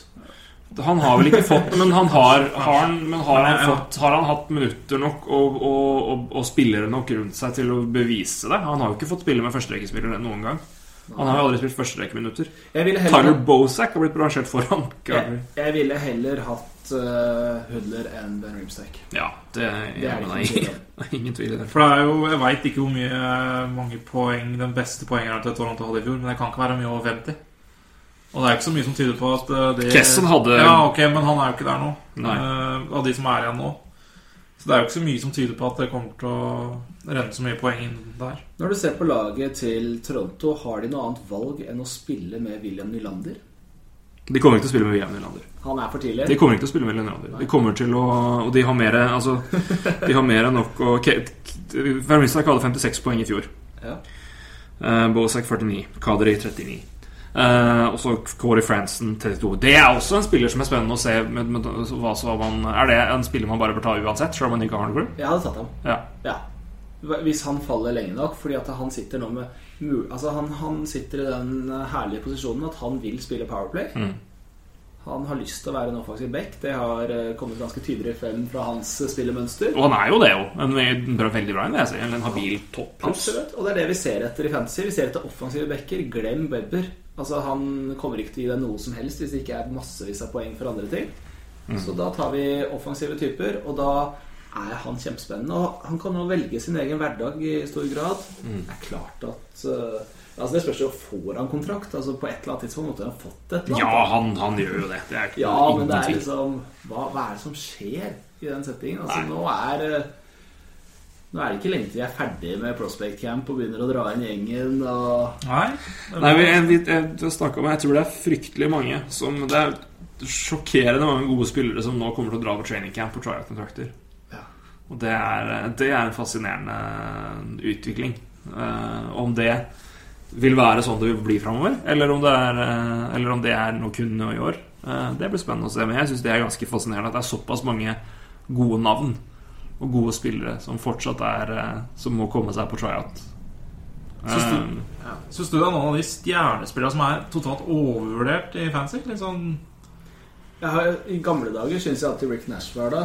Ja. Nå har jo verdien hans sunket, og han har blitt en bedre ishockeyspiller, virker det som. Mm. Og har fått litt blod på tann, så at han eh, faktisk kan være i motsatt eh, posisjon nå eh, Det er jo alltid Jeg, jeg syns at Malkin går for tidlig, som regel. mm. Men han er jo ikke overvurdert. Han er en fantastisk ishockeyspiller.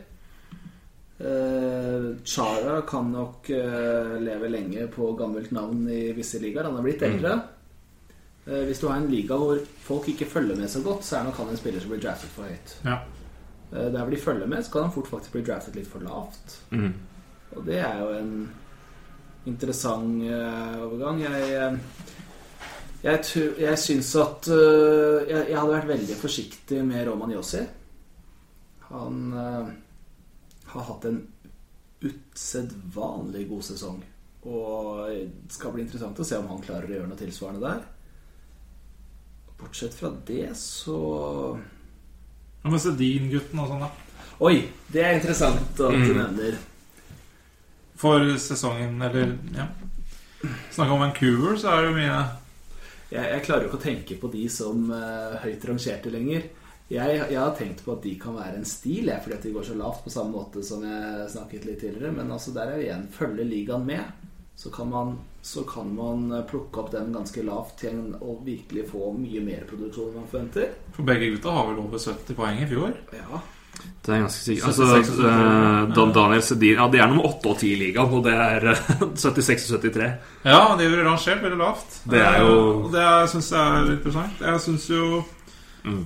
Jeg syns jo f.eks. en som er rangert veldig lavt i år, som eh, sikkert eh, mange begge dere eh, ikke har noe tro på, men Eric Stahl eh, Jeg har Siste- sagt Ja, jevnt og trutt at han har jeg litt null tro på. Okay, men eh, vil du jeg er uenig.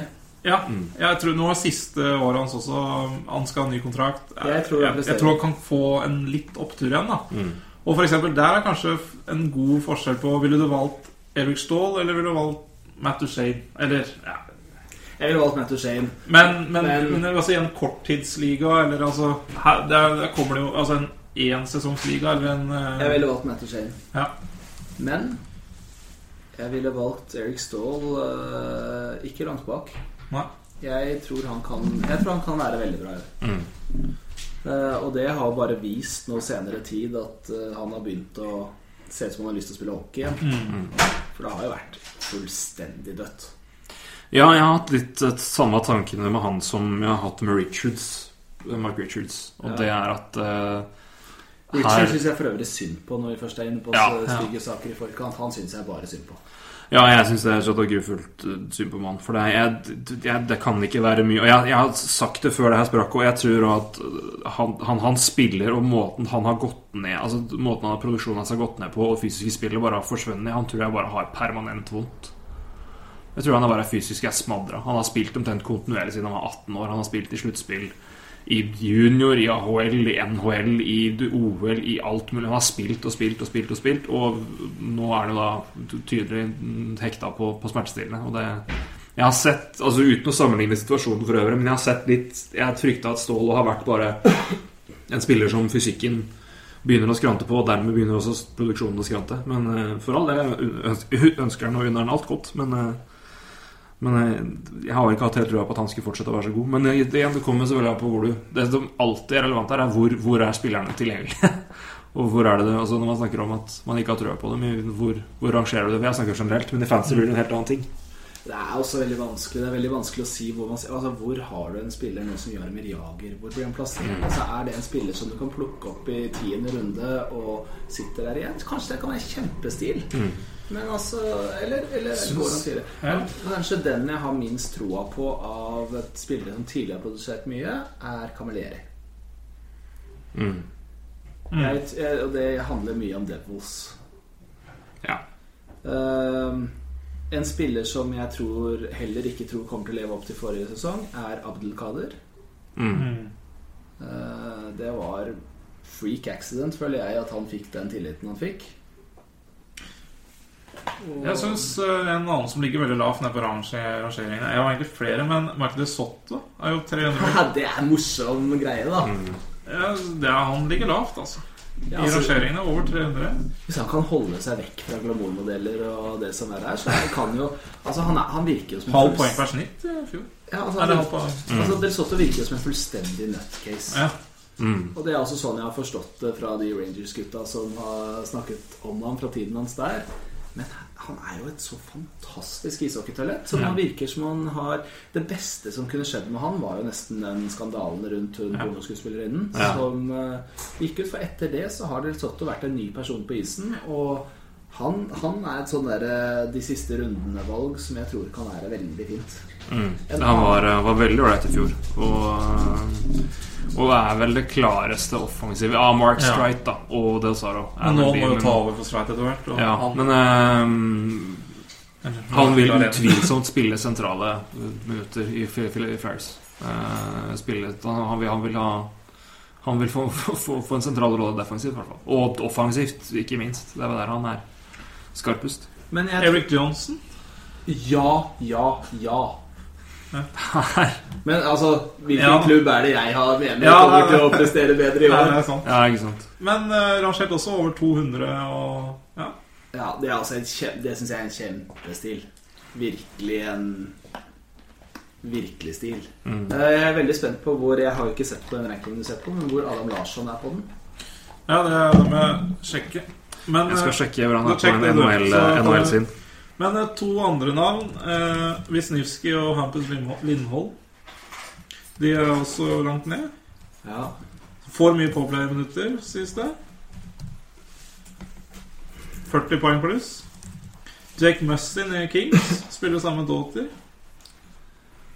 ja altså Eh, Sekera, eh, Van Eff og Dan Boyle er foran. Ja. Eh, altså Når det gjelder Wisniewski, så, så er det jo på at det er Det er veldig skummelt å ha ham der, fordi at eh, han, det er så veldig alt eller ingenting-produksjon alltid. Ja. Du veit jo litt om han. ja. Eh, det er Av og til så er han i superform og ser ut som han skal bli den spilleren man tror han kan bli, og så blir det helt tørt, og så er det borte. Uh, Fanuff er vel, i tillegg til å være på feil lag, så syns jeg han her virker litt ferdig. Når du snakket om en som var arrangert foran. Ja. Og hvem andre var det du nevnte? Sekera og Boyle. Sekera er uh... I Edmonton. Ja, i Ja da. Men uh, Altså, jeg tror jo En jeg tror på i Edmonton, som jeg tror kanskje får det gjennombruddet jeg har håpet på en stund, som jeg av egen egentlig interesse håper på fordi jeg alltid har fulgt ham og liker ham så godt, er jo Justin Schultz. Mm. Og at han kommer til å få lov å ta de offensive mulighetene der. Jeg, tror jeg tror de er mer villige til å, å legge mulighetene til rette for Schultz enn for uh, andre backer. Fordi at de har jo fortsatt håp om at han skal bli den spilleren de ønsker han skal bli.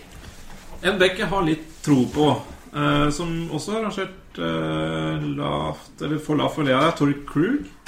Torrey Krug syns jeg er en kjempespiller. Nå som Hamilton borte, må han ta mer ansvar. Jeg lurer på om jeg leste statistikk på om at han eh, skyter flest skudd, altså per 16 minutter, i alle kategorier. Altså enten det er fem mot fem eller powerplay eller uh... Så han skyter mye, i hvert fall. Ja. Nei, jeg, jeg liker Krug, jeg. Altså, jeg, hadde, jeg, hadde, jeg hadde litt problemer med ham i starten, fordi jeg husker det var en playoff series på NBC hvor de ikke Jeg tror, jeg tror ikke kommentatorene kunne et annet navn enn Krug. Nei. Det var da han debuterte i playoff. eh, Ja, det tider. husker jeg. Og det var det, eneste, det var det eneste de klarte å uttale, og dermed fikk jeg litt sånn ambivalent forhold til Krug.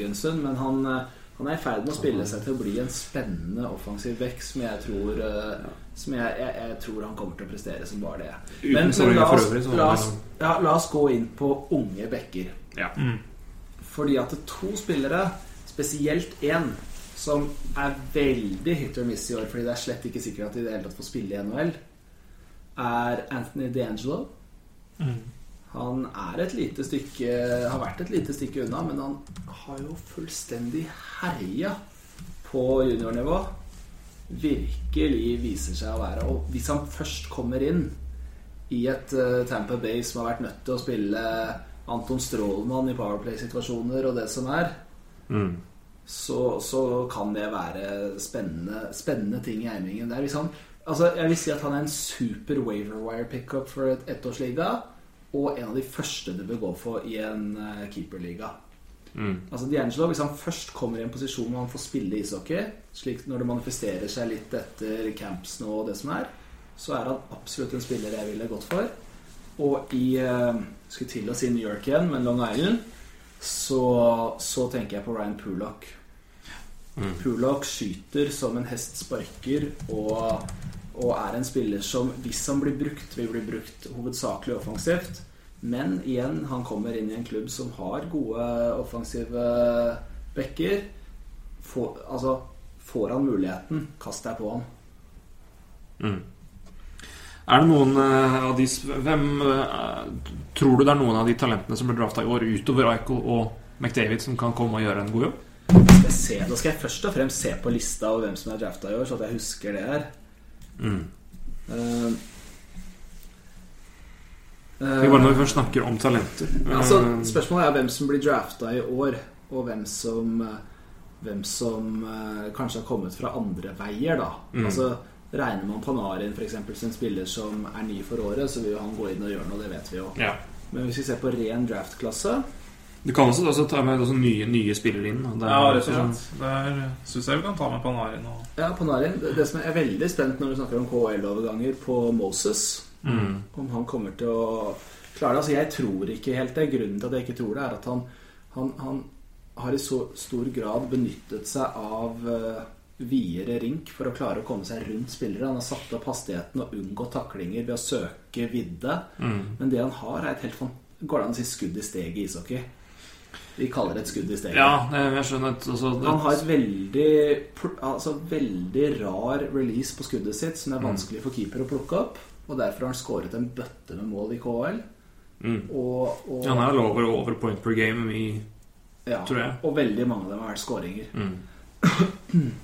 Så han er, hvis, hvis han får det til å funke i NHL, kan han bli veldig spennende.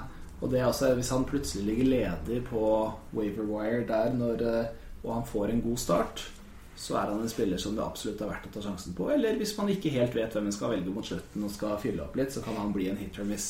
Mm. Eh, jeg tror at eh, Riley, Mike Riley kan komme inn og gjøre noe. Mm. Han får lov å spille for den klubben han har lyst til å spille for. Han, eh, han har valgt selv, og det er nok et press for at han skal få spilletid også på bakgrunn av den historikken der. Det blir en sånn Schultz-situasjon hvor du eh, bruker litt sånn technicalities for å komme deg unna ting. Mm. Kan du, også- kan du fortelle hvordan han eh, endte opp i Wild? Altså Riley. Ja, altså det var jo et, et valg ved at han først ble drafta av en uh, usedvanlig herlig klubb. Jeg er Columbus Blue Jackets-fan for øvrig. Eh, og, Så jeg applauderte før sending. Og så er det en, eh, noe teknisk eh, Teknisk med regelverket som de forsøker å sperre for etter hvert, men som har gjort at når han da velger å avslutte sin collegekarriere, så er han plutselig free agent igjen og kan velge klubb selv. På samme måte som andre spillere har gjort det tidligere. Hayes. Kevin Hayes, Justin Schultz. Ja. Mm. Tenk deg det. Velge Edmonton Oilers. Men Når jeg ser på andre spillere her, så Jeg ser ikke de som umiddelbart går rett inn og produserer. Nei. Jeg ser faktisk ikke mange som eh, av de som er draftet, som i det hele tatt får spille veldig mye. Nei, jeg snakka det i hvert fall på de topp fem at jeg var ganske sikker på at altså utover Eichel og McDavid så er det ikke Hannafint, kanskje. Men uh, Strom kommer ikke til å spille. Marner kommer ikke til å spille. Det er jeg ganske sikker på. Uh, jeg tror det gjelder ganske mange, uh, egentlig. Kanskje Provorov, men jeg tviler. Ja, Provorov tenkte altså, han, han slår meg også som en bekk som uh, trenger litt tid. Mm. Ehm, det er jo interessant. Altså, hvis man går på ren sånn prospect draft Altså Definisjonene jeg har hatt i de uh, ligaene jeg har spilt i, er at prospects det regner alle som kommer fra årets draftklasse, samt de som ikke har vært tatt av andre lag tidligere, og som har spilt eh, ingen eller få NHL-kamper. Mm. Og, og der er det jo noen interessante Altså de som jeg har pekt meg ut der, som er interessante for fremtiden, som kan være spennende, er Jeg liker eh, Daniel Sprong. At han kan gå nesten Altså hvis, hvert fall hvis man er en dyp liga som et førsterundevalg i en talentdraft. Mm. Og det var boomer bust-picket til Penguins nå i, Ja. i, nå i, i, i juni. De, og de er jo overlykkelige for å ha fått ham i andre runde. Mm.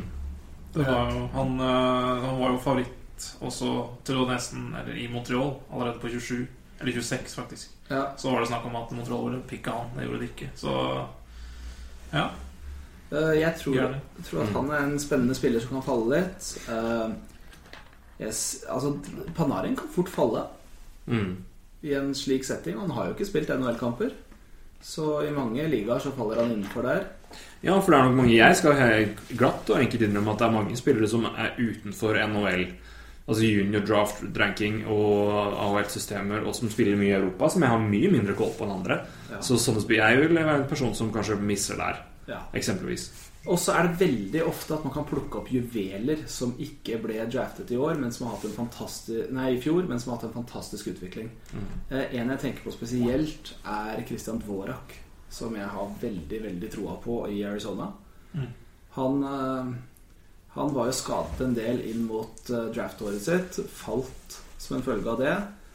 Viser seg nå å være et talent som allerede i år faktisk kan få muligheten i Arizona hvis ting faller seg sånn. Og de er jo villige til å satse på unggutta der. De har jo eh, bøtter og spann av dem. Mm. Men de er nok en liten stund unna å kunne produsere resultater som en følge ennå. Men eh, Max Domi Ja. Men er en type som vi går litt utenfor nå, med tanke på at han er nok drafta i de fleste ligaer i fjor. Men han kan eh, gå inn og produsere umiddelbart. Og hør her, hvis du har en liga som også setter pris på hits, penalty minutes, fysisk spill i tillegg til målskåring, så kan han bli en juvel for fremtiden. Ja, for eh, med tanke på de som da kjører eventuelt kjører ettårsliga, så vil Max Domi være en spiller som høyst trolig vil spille i neste år. Ja. Han, han er egentlig Treneren gikk ut og sa at uh, vi ser for oss at han er en del av vår 23-man roster. Ja, og det vil nok både han og da Anthony Duclair gjøre. Ja, men jeg har ikke troa på Duclair. Nei. Jeg vet at han er ekstremt høyt verdsatt av mange. Jeg føler at eh, Rangers Prospects alltid blir litt ekstra hypa fordi de har aldri noen. Og at det, det har vært Nei, med- det er sant. Det har vært med å farge oppfatningen av Duclair. Ta en lite forbehold der med Buknevic, som eh, skal bli interessant å se utviklingen til. Om han i det hele tatt kommer seg til USA til slutt. Siste jeg hørte fra ham, var at han, han hadde tatt en pause på det å lære seg engelsk fordi at det var så mye å gjøre med KHL og greier nå. Det lover jo ikke veldig godt for en umiddelbar tur over dammen. Nei, ikke det. det er klart at det er problematisk. Men det er uh... Han spiller jo for øvrig på hva er det heter, en Seversdal eller noe til KHL, som må være det dårligste NHL-laget som noensinne har eh, Jeg så en kamp av dem her om dagen. mm, Og det er jo så Bush League hockey, for å kalle det sånn. Altså her, jeg er så lykkelig for at jeg slipper den tilværelsen. Nei, men det er, men det er klart det er mange Når det gjelder prospect drafting og sånn, så er det mye å ta, mye å ta, um, ta hensyn til der. Men vi skal ta, begynne å, å gå litt på litt generelt om, eh, om stats. Altså uavhengig av fancy, men bare generelt. Altså spillere som, er, som vi har trua på det kommende året. Ja. Uh, men før det så har vi For det her vi, eh, Fikk jo uh, spørsmål fra USA, fra eh, din gode venn eh, og vår alles NHL-venn, eh, Roy Kvatningen, og som eh, kom med noen spørsmålstips vi skal gå gjennom, blant annet da nyttige fantasy-nettsider som det er lurt å bruke her. For øvrig, hvis Kvatningen hører på, på denne podkasten, så vil jeg gjerne stille et spørsmål til ham, jeg. Om hva egentlig definisjonen er for å runde en fantasy-liga. Jeg er bare nysgjerrig. Altså, hadde, jeg hadde en sånn hypotetisk her. Vi har en 16-mannsliga som vi spiller selv, og han er her. Altså, deres oppfatning. Hvis man vinner uh, Presidents Cup, man vinner Stanley Cup, og man sitter igjen med valg nummer 1, 2, 3 i neste års draft, er det å runde en fantasyliga? uh, nei, det er å være en Montreal Canadiens fra 1968. okay. Den tok tre mann, men jeg er veldig fornøyd med den vitsen. Eh, men det er, det, det er så nære du kommer, vil jeg si. Ja, okay, ja. Det er Med hit. Du er i hvert fra Jeg skal slite med å Jeg skal slite med å ta den i år. Nei, det greit. Jeg, jeg skal bare dobbeltsjekke. Ja, okay. ok. litt stikk til kvanningen. Men Men, uh, eh, vi nytter 15-nettsider, og da skal vi et, eh, samtidig kjøre et stikk for vår flotte side, Roy. For der har du jobba litt. Ja visst, hvis Roy spør om det, så kan han gå inn på nettsiden vår. Så har vi lagd en egen fane for fantasy. Og der har jeg samla noen linker. Det kommer flere. Eh, Så det var et kort og greit svar. Og apropos svar eh, Det du stilte Roy, egentlig. Altså, jeg vet ikke om Har du fått svar fra han på det? Fordi Ja. da kan vi få det svaret seinere i podkast. For jeg tror vi skal ha han på Ja, han har valgt å ikke svare. Da skal vi stille det seinere. Roy slipper ikke unna. Men eh, vi kan ta kort til. Altså, det er altså da link til forskjellige fancy-ligaer, som f.eks. Yahoo, ESPN og Fantrax. Uh, andre nyttige som uh, General Fanager, som er uh, viser cap, eh, cap numbers og sånne ting, og da Fantasy Rankings og statistikk, sier det, som, eh, så som man kan bruke i, i research-arbeidet. For research må man gjøre. Det må Ja, jeg. Altså, jeg tror nok den siden jeg bruker ofte selv, er Left Wing Lock. Mm. Den har vi også linka til. Ja, der er jeg. Og det er jo fordi at keeper hvilke keepere som spiller, Mm. er veldig viktig. Hvilke spillere som er scratcha, blir veldig viktig. Altså, det er jo et paradoks. Jeg skal avslutte fancy nå, men det er et paradoks at, at eh, en spiller som sitter i fare for å havne på tribunen i mange oppgjør, kan være en utrolig produktiv fantasy-spiller. Her snakker vi spesielt på backsida. Mm. Fordi her snakker vi kun om offensiv produksjon. Og du blir eh, lite straffet for å ha en back som snubler hver gang han skal forsøke å ta en én mot én-duell. Så sant han kan skyte og få inn en del skåringer av sist, er det det man ser etter. Det er mye å ta. Det er mye det er det å være obs og våken her. Det er eh, å, å følge godt med, og da er, det er de sidene nyttig. Så eh, det ligger en del inne nå. Det kommer sikkert Eller det kommer flere. Jeg føler eh, Når vi er runder av fancy, så tror jeg egentlig vi kunne holdt på sånn i mange Ja da, timer. dette er mye vi kan, vi kan diskutere. Så- spillere og Så jeg og håper i hvert fall opp og at det kommer noe nytt her. Jeg syns dette er veldig moro. Jeg. Er bare sånn som en siste da, avslutning der. Hvis noen har noen fantasy-spørsmål direkte på spillere som eller har lyst på innspill, så er de hjertelig velkommen til å sende meg en Twitter-melding og spørre om hva jeg mener også, til Sverre KS, som de ønsker det. Det tror jeg, Vi håper at mange bruker det. Og jeg merker at det er også gøy å sitte og snakke om spillere. For en ting er jo selvfølgelig hvordan de vil produsere, om de kommer til å ha et bedre år generelt sett, altså rent spillemessig, men hvordan det da overføres til, til fantasy. For det, er, eh, det, det tror jeg nok kanskje jeg og du Jeg antar i hvert fall at jeg, jeg ser du har nok litt mer trent fantasy der kontra det jeg har. Så det er bare det å ha den, den forskjellen der, syns jeg er veldig spennende. Men eh, vi har et, et enkelt eh, spørsmål her også fra Kvatningen. Eh, Hvem skårer 50 mål i år? Eller hvem blir målskårergutta i år, da? Får vi ta det. Aleksandr Ovetsjkin Ja, det er vel ikke er det standardvalget. Ja. Og så blir det vanskeligere. Ja, jeg har jo Jeg har jo måttet holde meg til det, for jeg sa jo det øyeblikket vi nevnte Kessel til Penguins, så sa jeg hvis det fra det sekundet han kommer inn eh, på linja til Crosby, så skal jeg vedde på at han skårer 55 mål. Eh, og jeg må jo stå for det. men jeg, jeg, Ja, jeg må det. Men jeg, jeg tror helt genuint at hvis han og Crosby og Hvis de får holde sammen hele sesongen, og de holder seg rimelig skadefri begge to uh, Med Kessel er jo det høyst sannsynlig. Han har jo ikke mista en kamp på fire år, tror jeg. Uh, men han òg tror jeg kommer til å bøtte inn, altså. Jeg så forresten han hadde gått ned seks kilo nå. Det er jo nesten en burde vært i nyhetsspalten. Ja, det var nyhetsspalten. Gått ned seks kilo. Kessel? Ja. Kessler har gått ned Ja, Kessel har gått ned seks kilo. Og har Gary Roberts som Han har eh, trent noe PT. så grønnjævlig i sommer. Dette er gull. Dette var input. jeg Dette er, dette er sånn, dette er sånn Unibet-reklame.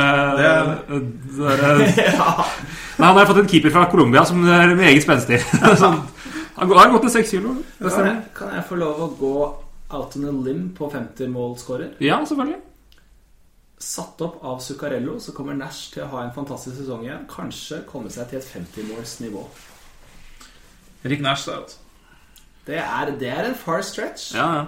men, han, det blir- han, det er ikke mange, mange NHL-spillere som er i nærheten av å kunne skåre 50 mål. Nei, det er ikke det. Så, Det er så en helt annen, helt altså, ting. nå er jo 40 pluss er jo en uh, topp 3, topp 4, topp 5 Jeg husker ikke helt setting.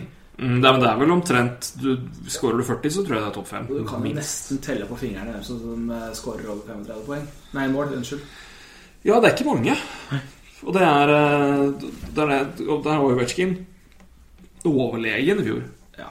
Han har vært det noen år på rad. Ja da. Han er, det er, altså, når det, akkurat når det gjelder målscoring mål, så er han i en egen klasse. Um, men det blir, det, blir, um, men det blir spennende å se. Men Nash er uh, det, er ikke, det er ikke helt borte. Men jeg tror, jeg tror Rangers og, og offensivt i hvert fall den rekka der kommer til å ha et bra år. Jeg tror, tror Zuccarello kommer til å ha et, et, et år som ligner mer på to år enn i fjor. Uh, kanskje litt bedre òg. Hva skårte Nash i fjor? Nash i fjor, det skal vi sjekke, vet du. Mens du sjekker det, så følger jeg jo jeg eh, litt NHL News. og 69 det er- poeng og 42 mål. 42 mål, ja. Ja, Og hvis han skårer over det, så er han jo i nærheten av det. Ja, ja, det er ikke, det er ikke noe dårlig tips, nei. Det er helt riktig, det. Han, han scora mer enn jeg trodde. skjønner du Jeg tror faktisk han er nummer tre. Er det Stamkos som er imellom, eller? Stamkos, ja. Det er Ovetsjkin 53, så Stamkos 43, og så er det Nash 42. Det er de tre som er over 40 mål. Langt opp til 50, altså. Det er langt opp til 50. Mm. Jeg er enig, men jeg, jeg, Ja, nei, det jeg tror på det er gøy. Mats Zuccarello Aasen jeg i år. Vet du hva, jeg skulle til å nevne han. Han, har vært, han trener i dag, og han har sagt til eh, eh, Det er New York Times, tror jeg, at eh, han har trent sin hardeste økt hele sommer i dag. Så han er på bedringsvei. da Sin hardeste økt i sommer. Jeg vet ikke hvor oppløftende det var. At han Nei, startet det- 8. september. Men det er vel med, han har vel måttet ta det gradvis òg. Hardest Der har vel kanskje du litt mer, der har du kanskje litt mer input enn oss, hvordan det har vært. uh... Det var, det var eh, på skøyteis, altså. Han sa Jeg- skøyte Jeg er veldig glad for oppi alt det han gikk gjennom, at han ikke fikk eh, i hvert fall diagnosert en hjernerystelse. Eh, Det er et kraniebrudd. Uansett alvorlighetsgrad så er ikke gjentakelsesfaren like stor. Nei. Og jeg er veldig glad at det skjedde i en freak accident. At det ikke var en takling mot vantet som gjør at man trekker seg fra Ja. visse situasjoner. For eh, det er eh, Nå er nok ikke Zuccarello den typen som først lar slike ting eh, påvirke seg, men eh, det er rart hvordan ting kan snike seg inn. Apropos Rick Nash. Å se den spilleren han har vært etter hjernerystelser, hvor feig han har vært ute på is har vært, det har vært trist å se på. Ja, hvis det ikke akkurat uh, gå langt tilbake. Eller det tar ikke i hvert fall meg lang tid å komme på spillere som har fått karriere ødelagt av hjernerystelse. Og det er kanskje Jeg vil vel si at ingen fikk vel noen gang se hvor god Erik Lindros kunne bli. Det er et veldig godt poeng. Og det, det er han som fikk ødelagt karrieren av hjernerystelse. Tenk litt på oss i dag da, med interferingsregler og det som er. Ja, og tenk, tenk, det han hadde Ja, det, er Matthew Barnaby som snakker om det når de snakker om liksom de, de, spillerne som har takla hardest i, i ligaen gjennom tidene, og det er Lindros nummer to. Scott Stevens er passet nok nummer én, men han snakker jo til Lindros med den farta og den størrelsen han hadde på den, i en liga nå, når du ikke har mulighet til å holde, holde igjen spillere på samme måten. Han hadde jo drept folk, vet du. Jeg er veldig glad for at vi har en NHL i dag hvor de beste spillerne får lov å være best. Ja. Men syns du vi er på vei bort derfra? Jeg vet noen hevder at uh, det Det- begynner å bli en ja, Det som skjer, er destruktiv liga igjen. Ja, men det handler om dommerstanden. Uh, hver gang det kommer et playoff, så skal de av en eller annen merkelig grunn endre forutsetningene for hva som er en utvisning.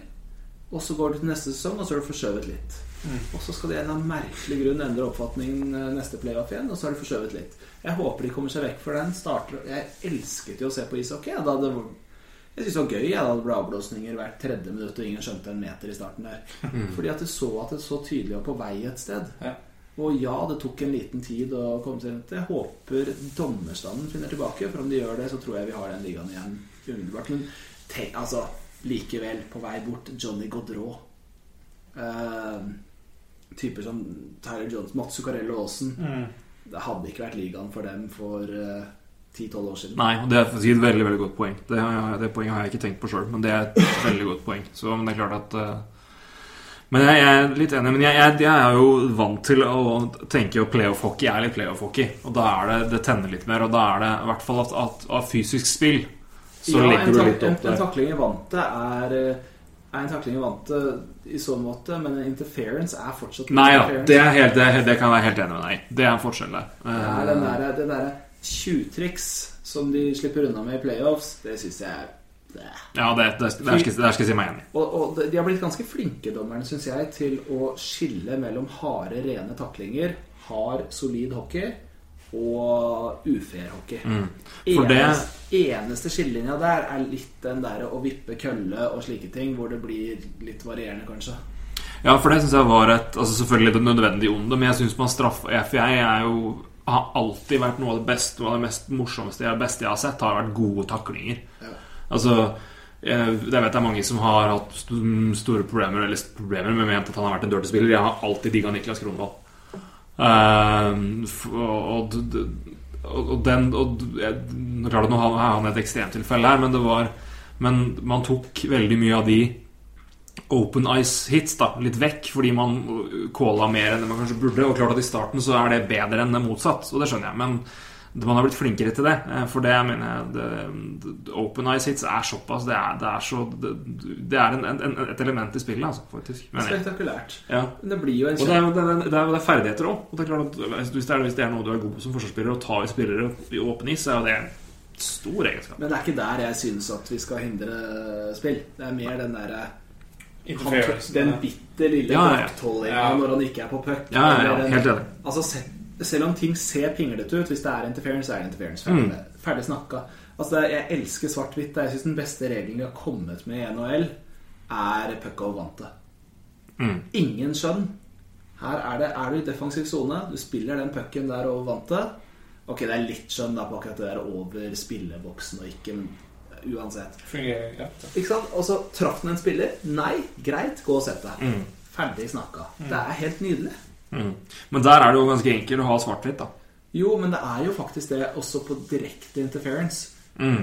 Med unntak av kanskje litt retningsendringer, sånne ting. Men altså, det blir jo som obstruksjon i fotball. Ja. Ta den på feelingen. Altså, ble han hindret? Ja. Var han på puck? Nei. Ok, litt skjønn på Han hadde akkurat spilt fra seg pucken, eller hadde han fått den ennå? Greit nok, men det er Var han offside eller ikke offside? Det er regler som er klare, at du får ikke lov å fysisk hindre en spiller som ikke er puckinnehaver. Mm. Og der var vel også Der var man jo veldig svart-hvitt når man kom, et, kom tilbake etter lockouten på Var, var, var kølla nitt, altså var den parallelt med isen og i mageregionen på spiller, så var det Da var det rett ut. Ja. Og det er vel mer eller mindre det nå, men man har blitt Man kan hekte litt mer, kanskje. Kanskje. Men jeg, jeg syns det, det er en morsom liga å se på. Jeg var redd for ishockey for uh, noen år tilbake fordi jeg syns at det ble en Det ble for mye tull. Det ble, altså jeg, jeg syns at uh, uansett hvor gøy det er for de gutta som har gjort en karriere av å være en forcer, og at de ikke hadde talentet til å være noe annet, og at de var overlykkelige for å spille i NHL Kanskje du bare ikke hadde talentet, kompis. La oss få de gutta som kan spille hockey, inn i ligaen. Mm. Og Ja. la de skinne. Vi vil jo se underholdende hockey. Jo da, men jeg mener også at man, ser, man må se det med tida, og jeg tror da på den Før det virkelig begynte å ta av, ehm, så mener jeg at de gutta absolutt hadde hatt en plass. Og jeg tror vel også, også Nå skal jeg sitere Don Cherry, og det er et argument jeg kjøper på den tida der. Hvis ikke Gretzky hadde hatt gutta rundt seg som kunne virkelig passe på ham, så hadde ikke han fått det rommet han hadde fått heller. Men det er klart at utviklinga har gått såpass mye. Da var det en litt annen tid òg. Men det var jo da var det en fortsatt jeg virkelig begynte å koke ordentlig på ny igjen. da Det var jo Flyers vant jo med Vant jo med det her og innførte det. Og endra regelboka det helt. Men, eh, nei, men jeg er enig med deg at det er, i den hockeyen som er blitt nå, så faller det mer og mer bort. Og det er kanskje til, til, til det rette. Jeg skulle gjerne sett Espen Sjampo Knutsen tre-fire år seinere. Mm. Godt. Godt poeng. Ja, det er et godt poeng. Jeg tror han hadde vært en eh, meget, meget god NHL-spiller. Mm. Morsomt poeng. Veldig morsomt poeng. Det, er, eh, det har jeg faktisk ikke tenkt på. Men det er, eh, nei, men det er også et eh, bra poeng. Er det derfor Vi- har han her? Eller derfor vi er Ja, jeg, jeg tror vel ikke det er siste gang vi, vi kaller det inviterer oss hit, får vi si det. For å invitere, invitere deg med her. For det, det har vært, det har vært moro.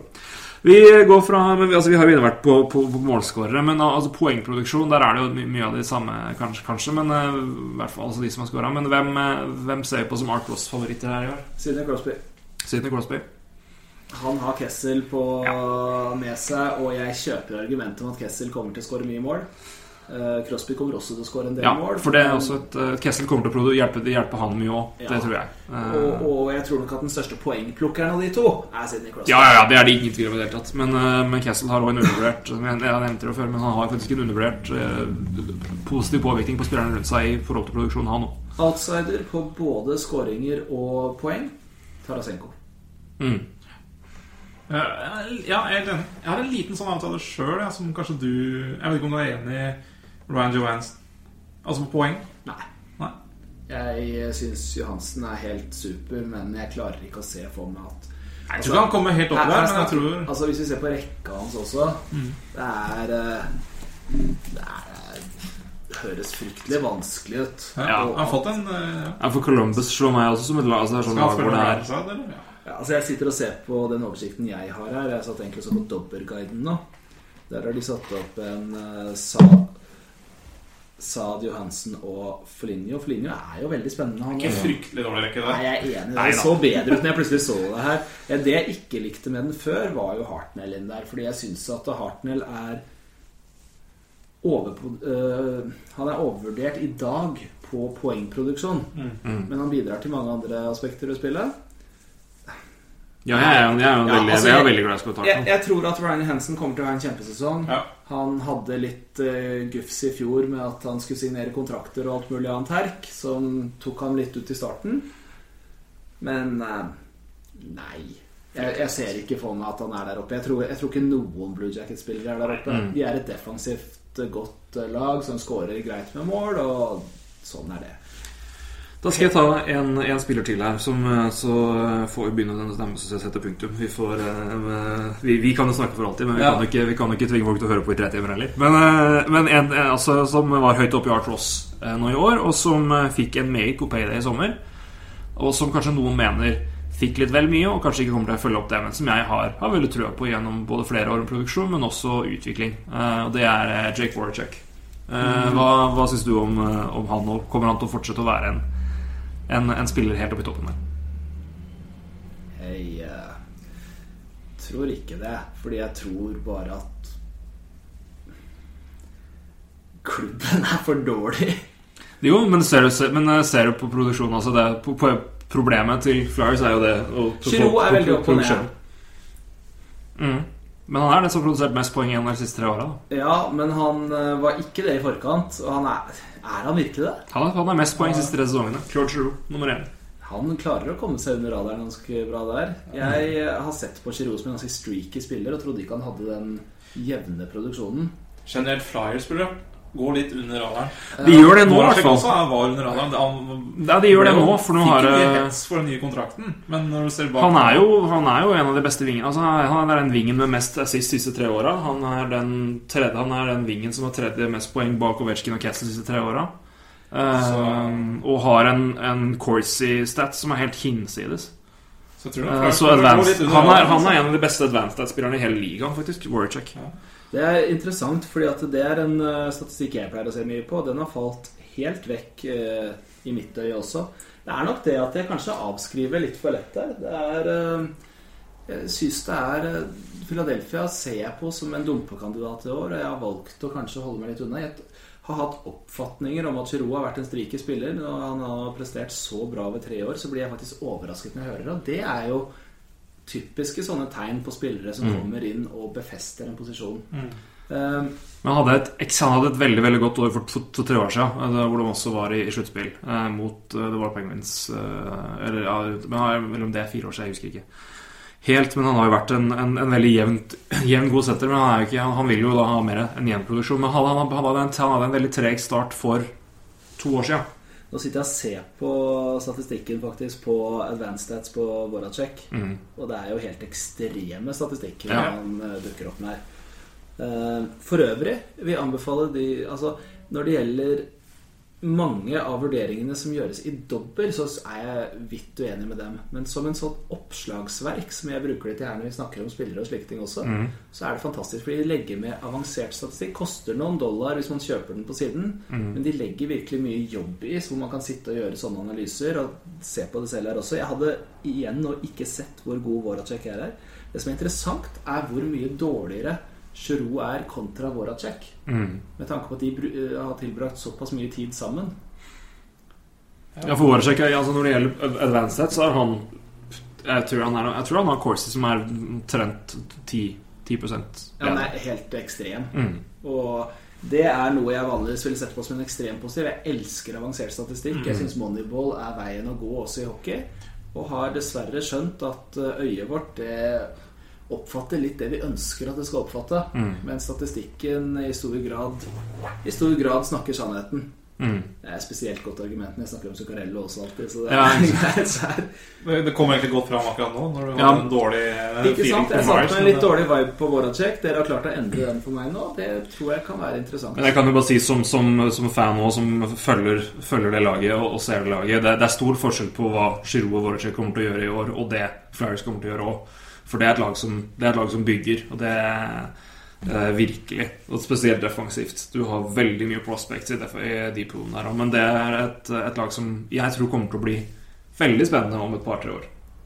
Pga. de forspillerne de har i baktrykket. Men, men de enkeltspillerne kommer til å produsere, for de har de gjort uansett. Selv om laget har vært ganske skralt. Eh, Men resten nei. Braden Shen holder unna. For guds skyld holder unna.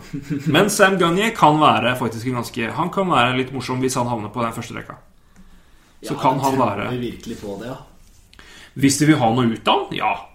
Jo, men altså, tror vi på Sam Gagner som spiller? Er det ikke så utrolig mange spillere som kommer foran han? At det, det, Jo, jo, men, men, men, okay. men da snakker jeg på sånn Altså Da snakker jeg om- altså, Da er det Ja, ja. gamble pickup. Altså, Ja. det er sånn, men han har han, altså, det, det, er, det er så altså, Han kan få muligheten til å få mye tid der. En som kan få muligheten, Så det er en eh, bonus der. Og som faktisk kan eh, ta Altså som har hatt noe litt hot starts tidligere, men har falt av litt etter hvert, er jo Raffel. Ja, han, han har en veldig god Corsi-spiller, faktisk. Og, og, og det kan være interessant å se hvordan han eh, han klarer å ta stegene. Nå er han blitt gammel nok til at eh, han må nok produsere over lengre tid, og ikke bli en sånn derre flying start, for så å bare falle litt gjennom etter hvert. Han, han er den som trolig vil spille med Voracek og Giroud. Ja. Så Og- han vil jo da nesten by, by association Og når det, gjelder, når det gjelder Simmons, er han da Dette vet ikke jeg, så jeg spør deg som en Philadelphia-fan. Er han en utelukkende en høyreving, eller kan han uh... Han er nok utelukkende høyreving, ja. Ja. Um, men han, hans, store, hans store styrke er jo powerplay. Ja. Der er han uh, en av de bedre Han er vel uh, Han er ikke Thomas Holmstrøm-nivå, altså, men han er en meget, altså. meget god powerplay- powerplay-spiller. Og uh, så han, uh, han er i hvert fall en garanti for å få inn 20 mål omtrent. Han er vel, eller, om- omtrent 20 mål. Han skårer jevnt, i hvert fall. En garanti for en del på Nei, utvisninger? da? Jo, det er vel også Han er Skårer mye, får mye utvisninger, så det var jo et tips. Så nei, men han, han, er, han, er, han er ren høyre omtrent. Jeg har vel aldri sett han bli brukt på venstre. For hvis, hvis ikke så hadde de Eller det er ikke mye, i hvert fall. Hvis ikke så hadde de jo testa. Testa han sammen med Giroud og Voracek. Spør dere, da, når det gjelder på Philadelphia. Tilfeldigvis. Mm. Vi har jo tidligere hatt eh, ganske klare dumpekandidater i øst. Hvem er nå båndlagene i øst? Eller båndlaget? Uh, jeg Carolina. Det er for meg. Jeg tror de Jeg har sett på Carolina som dumpekandidat. Jeg hadde en Ja. tidlig lagrangering nå i sommer på sida vår. Der hadde jeg vel Carolina omtrent sist. Uh, jeg, men de hadde jo en litt positiv kurve på slutten, da. Uh, så det er jo tydelig at noe begynner jo De har et skrap med spillermateriale, men noe begynte å fungere på slutten i fjor. Mm. Men de har Så noe... det er noe som begynner å sitte av øh, Altså taktikk øh, Et eller annet som begynner å sitte. Da. Jeg vet ikke, Men jeg, jeg også tror Carolina Men Jeg har plukket ut fire lag. Toronto er jo Ja, jeg har plukket ut fire lag. Og jeg har to som jeg ser på som absolutte dumpekandidater, og to som følger like etter. ja. Uh, Helt i bånn så har jeg også Carolina, og jeg har Toronto. mm. Der er vi enige. Altså. Og så på de som følger bak der, så har jeg Philadelphia. Og jeg har New Jersey. Ja, jeg skulle til å si for sure. Der er vi enige. Og så tror jeg at Boston kommer til å ligge like over. Og så etter det så Og så tror jeg at Ottawa kommer til å ligge rundt der. Ja. Og så har du en bikkjefight om resten av lagene på playoff. Ja. Jeg tror vi er veldig enige der. Altså. ja, du har jo nevnt Ruins som et omtrent lag nummer to. Dumpegang de i høst. Ja, eh, de blir nok ikke nummer to dumpkandidat. De kommer nok ikke. Men eh, jeg husker ikke hvor jeg har Du hadde dem på 14. ja, det, ja, vi får se. Eller fe, ja. Nei, 5 jo.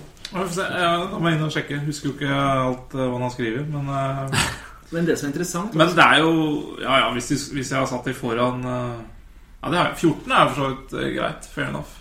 Mm. Men, det er, nei, men det, er, det er spennende. Men jeg tror det er ikke sånn som Devils fortsatt, fortsatt slite. Um, ja.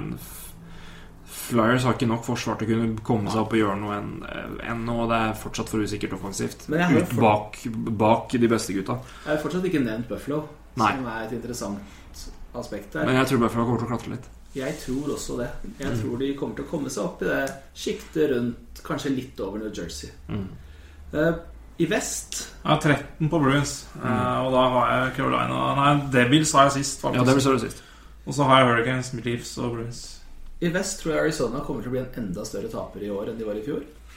De har et morsomt lag. Masse unggutter. De er ikke helt Det er så mange som ikke har spilt NHL tidligere. Jeg tror de kommer til å produsere bra offensivt og få en ordentlig trøkk bakover, rett og slett. Jeg håper de produserer bra offensivt. Men igjen, da. Hvis de nå havner sist, som, som mange tror Austin Matthews, lokalgutt til, til Arizona. Jo, men problemet er at Edmonton de klarer ikke playoff. Nei, De vinner jo lotteriet. Men jeg, apropos det med lotteriet der, og det var jo mange som selvfølgelig lo av det, at de fikk første igjen, men jeg syns noe av det morsomste, og som øh, kanskje for forbi stillhet for, for mange, men som jeg øh, fikk med meg fordi jeg hører på en, en veldig morsom, veldig bra podkast som er primært Leafs, eh, men, men Steve Dangle-podkast, tror jeg vi har nevnt det flere ganger. Men, men når det er lotteri, så trekkes det jo fire. Fire tall, og så er det kombinasjonen av det. Inntil det siste tallet ble trøkket, så var det Leafs som lå an til å få first pick. Var det det? Ja, Leafs hadde best odds. Oi, oi, oi. Så de, de var det laget som lå best an til å få McDavid inntil siste nummeret ble tatt. Så så nære var Leafs McDavid. Kommer det der Edmonton-greiene igjen, vet du. Men altså, Taperen er uansett Arizona. Altså For de Ja. som ikke har sett det, det må finnes YouTube-klipp. Draft Lottery Se det ansiktet til eh, McDavid. McDavid når eh, Edmonton trekker den gullbilletten. Ja. Det er helt, det er helt priceless. Jeg, skal, jeg skal legge det ut eh, på Twitter etterpå, fordi du sendte meg det bildet. jeg holdt det bare om. Det er nydelig. Det er helt unikt. Jeg tror Arizona havner i bånn. Eh, Jeg tror at Canucks blir et dårlig ishockeylag i år. Det er jeg helt enig i. Mm. Eh, Det er lang vei fra 101 poeng og ned i sumpen, men jeg tror de klarer å falle hardt og brutalt. Ja, men hvem skal Ja, nå har de da, det er Ja, det er, det er mye usikkerhet i laget der, altså. Jeg tror faktisk Chicago, fresh of Stanley Cup, kan få trøbbel med Kane. Mm. Er dette et playoff-lag? Altså, se på, se på Kings. Klarer ikke playoffs. Altså, det er jo det derre Man får ofte en liten trøkk etter å ha vunnet Stanley Cup. Det er lang sesong. Det er Ja, mye men Hawks har gjort det så mye. Ja, de har så fullt lag. Klarer ikke å sette det lenger ned. Nei, jeg klar, nei. Er, Altså, Hvis de ikke har Kane, og hvis Kane drar ut, så skal jeg, da, da kommer de til å gjøre det dårligere. Men Ja. nei, det laget Altså, det laget der så Men eh, Det begynner å bikke. Men utafor det, ja, det, det er friskt tippa. Det skal du ha. Det er Ja. friskt tippa. Ja, jeg sier ikke at de skal være på tredje siste, men Nei. utenfor playoff, det er faktisk eh, tipset mitt der. Eller upset-tipset mitt. Mm. Eh, jeg tror dessverre, selv om jeg har snakket om fremganger, at Colorado blir litt for svake til å klare playoff. Men jeg tror de ligger og, i, akkurat i eimingen der.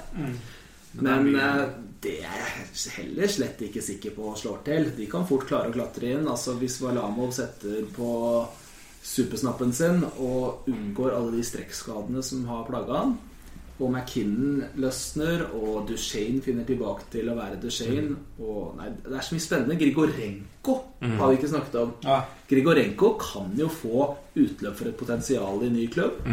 Kan Og få gamletreneren, ikke minst. Det er Ja. også noe som taler hans for. og virkelig han har et potensial som er fantastisk. Mm. Han virker jo ikke som den enkleste å forholde seg til alltid, men det er det ikke alle Nei. suksesssterke spillere som har hatt. Og så har vi um, au, Minnesota som ligger i eimingen der. De har ikke blitt noe særlig sterkere siden sist. Det er ikke blitt noe særlig dårligere heller. ikke blitt noe særlig dårligere heller.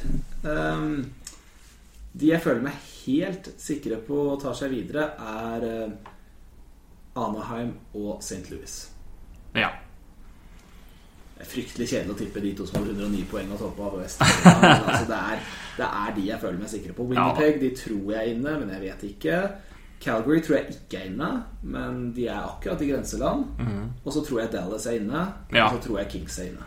Jeg tror også Dallas er inne. Uh, keeper vil Men Dallas er så, det er så jumbo pga. keeperplassen der. Og det du sa, det styrer unna de keeperne i fancy, og det er, det er eh, hva, hva som skjer der, gudene vet. Men det er et fryktelig offensivt. Er det utrolig mye moro i Stars. Så har vi ikke snakket om Nashville. Der kan alt skje. Mm. Der, kan, der, der sitter jeg med følelsen at virkelig alt kan skje på veien. Det var jo Altså, vi glemmer jo hvor gode de var Ja. innledningsvis, for så å falle ganske akterut mot slutten. Jeg har det litt ned Altså jeg har jo på sluttspillplass, men det er så vidt. Men jeg, for jeg har også litt sånn følelse av at noe av det du har snakka om før i ettermiddag, er den vanskelige andre sesongen. Eller altså andre og andre. Filip Forsberg, da. Ja. Han, han, han, altså De var veldig avhengig av han. Ja, veldig. Og å gjøre seg avhengig av en så ung gutt Eh, Altså Jeg tror hvis han får, en, får han en Dalen-sesong som han ja, er en menneske, så får han jo det. Ja. si. Så, så vil det også gå dårlig med laget. Mm. Derfor så er jeg litt i tvil på Nashville. Altså. Men det, det, har jo, det er jo som du sier, det er jo ikke mista Det er jo et sterkere lag, egentlig. Men altså, Ja. det, nå, nå skal det sies at Vest er ikke noe smågutteliga heller. Altså, vi, Ja, Men det er ikke øst lenger heller. Den, den, den forskjellen er forsvunnet. Ja. ja, jeg syns òg den har blitt, har blitt mm, betydelig mindre. Ja. Uh, Og i hvert fall nå når Buffalo ikke er en dumpekandidat lenger. Er så jo statistikken i fjor, så tror jeg filla ikke at øst hadde noe tilbake for vest. Nei, jeg hadde, nei, jeg har faktisk skrevet litt om det i fjor. Men uh, Og det er korrekt. det var ganske jevnt. Og jeg NHL har blitt en bedre liga de siste par årene, føler jeg. Det er få spillere som har falt av. Mm. Jeg syns at de nye som kommer til, er veldig gode. Mm. Jeg tror, altså det, er, det går jo litt sånn i bølgedaler om det er en bedre eller svakere liga.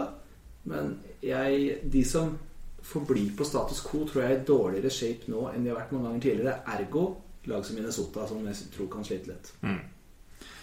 Kjære venner, nå må jeg sette punktum, for nå eh, har tida begynt å gå fra oss her. Men eh, gud bedre så gøy det har vært. Jeg håper dere alle har, eh, som hører på, har lært litt om fantasy og blitt litt klokere på alt mulig. Men helt til slutt så må vi bare ta, snakke litt om vår egen liga. For vi har jo ambisjoner om det. Men vi trenger litt hjelp. Ja, vi, vi gjør jo det. Ja, ja, vi har jo Vi vil starte en egen liga der vi vil ha med dere lyttere og lesere. Men eh, vi har ikke så veldig god tid og kunnskap egentlig til å starte opp en egen liga. Så vi søker rett og slett en, en egen eh, kommisjonær En til, egen eh, til NHL. En egen Gary Bettman til fancyligaen vår. Så eh, vi, vi kommer til å komme med en artikkel om det på nrprat.com. Men bare skrik ut hvis noen har lyst til å holste en liga eller drive en liga. Og så Dere bestemmer absolutt eh, formatet og hvilken side som eh, bør brukes. Men vi har hørt at fantracks eh, er jo populært hos Sverre i dag. Jeg liker fantracks. Grunnen til det er at man har ekstrem frihet på den sida. Og så liker jeg å tro at de som hører på denne podkasten, er personer som har et ekstra Ekstra kompetanse, og det, det favoriserer ofte fantracks ved at det er mange muligheter, og at man ikke trenger den Donald Duck-tilnærmingen med bilder og grafikk og hopp og sprett.